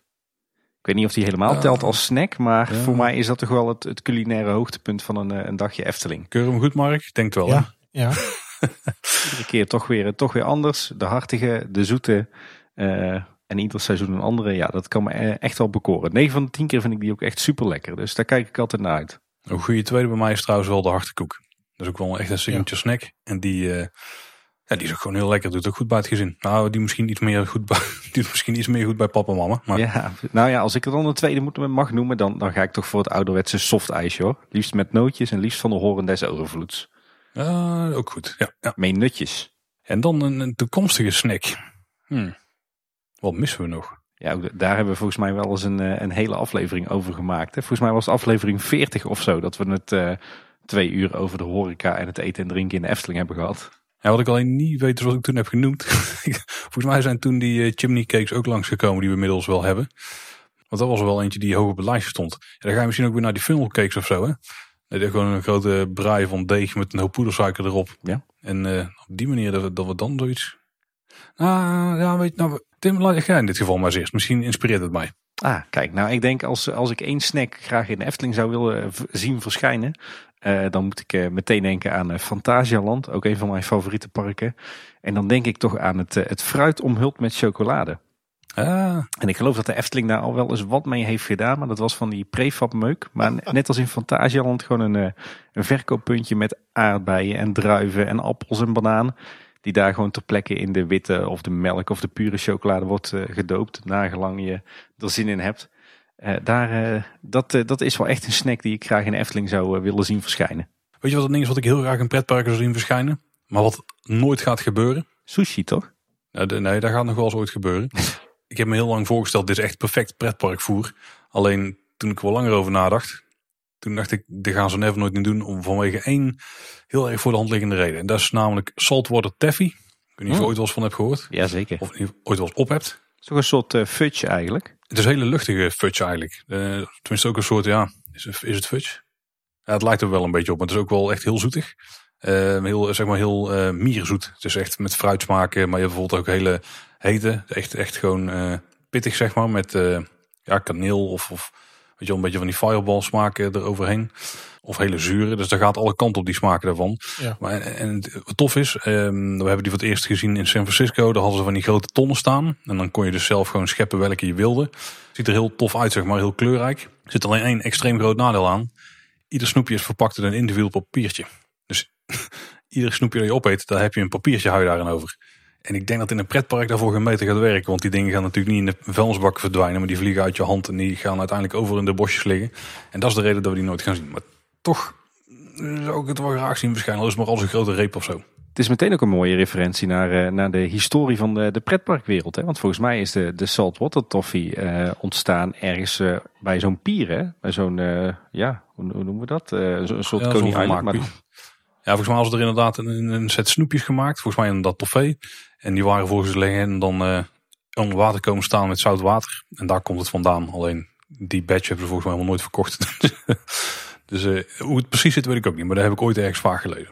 En de laatste vraag van, ehm, van een, eh, laten we zeggen, extern iemand, bijzonder iemand. Ik denk, eh, nou ja, een voorbeeld eh, voor velen van ons. En ehm, voor het laatst bewaard daarom. Nou, komt hij aan. Dag Tim en Paul, Erwin hier van Ochtend in Pretparkland.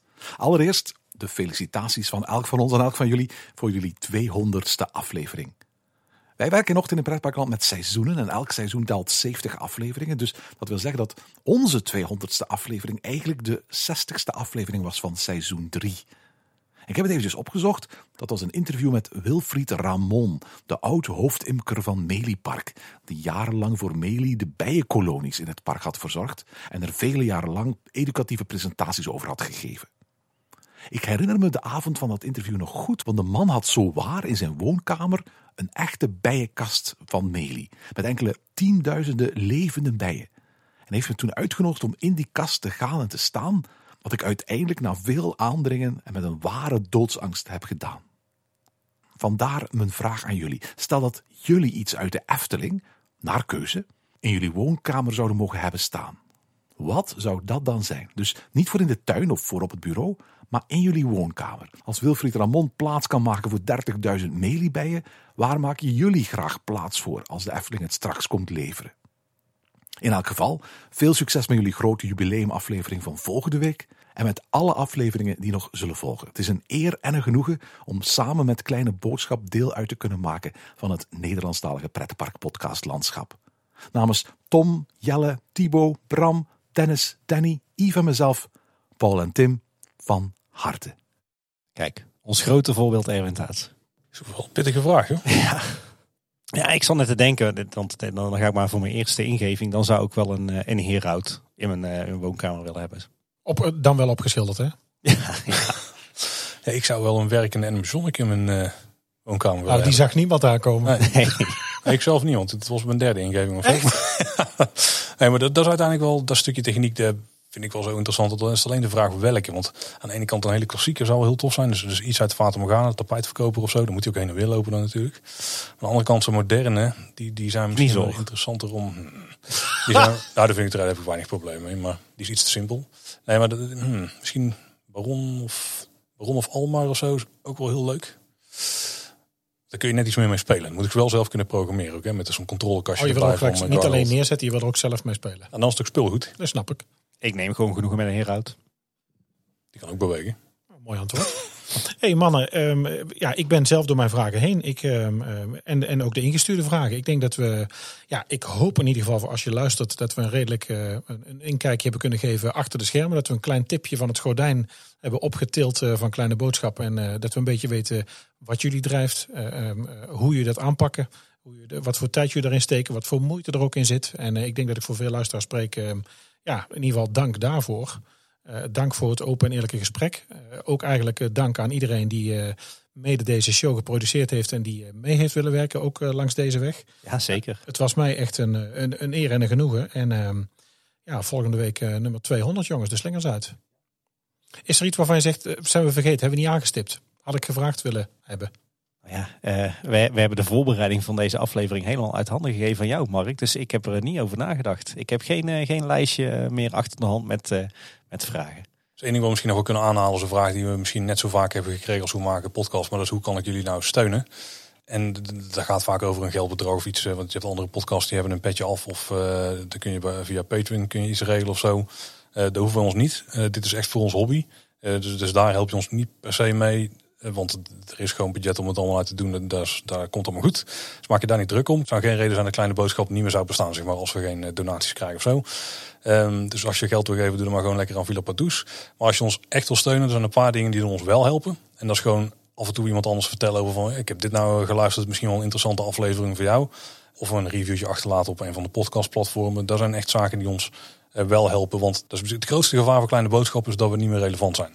En dat we, geen, eh, ja, dat, dat, dat we bij de Efteling bijvoorbeeld uit het oog verloren raken. Waardoor we bepaalde afleveringen niet meer kunnen maken. Dat we geen reportages meer ter plaatse kunnen doen. Dus dat is het enige wat we eigenlijk moeten zien te voorkomen.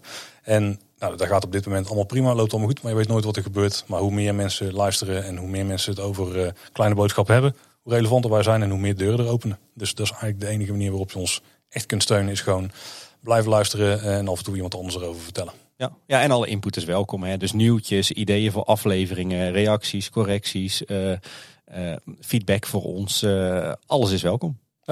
Ik denk een mooie nabrander. En daar willen we denk ik ook graag bij laten. Ik geef de Twinkeltoorts weer terug aan jullie. Jullie mogen volgende week zelf weer de podcast eh, vormgeven. Eh, als je blijft hangen en eh, ik heb er naar geteased in het begin en je wilt hem helemaal uitluisteren, dan mag dat. We gaan zo meteen eh, jullie, nou door mij zeer gewaardeerde muziekje in ieder geval starten als, als outro. Maar ik wil gewoon klassiek eindigen. Mannen, heel erg bedankt. Ik vond het heel erg leuk en houdoe. Houdoe.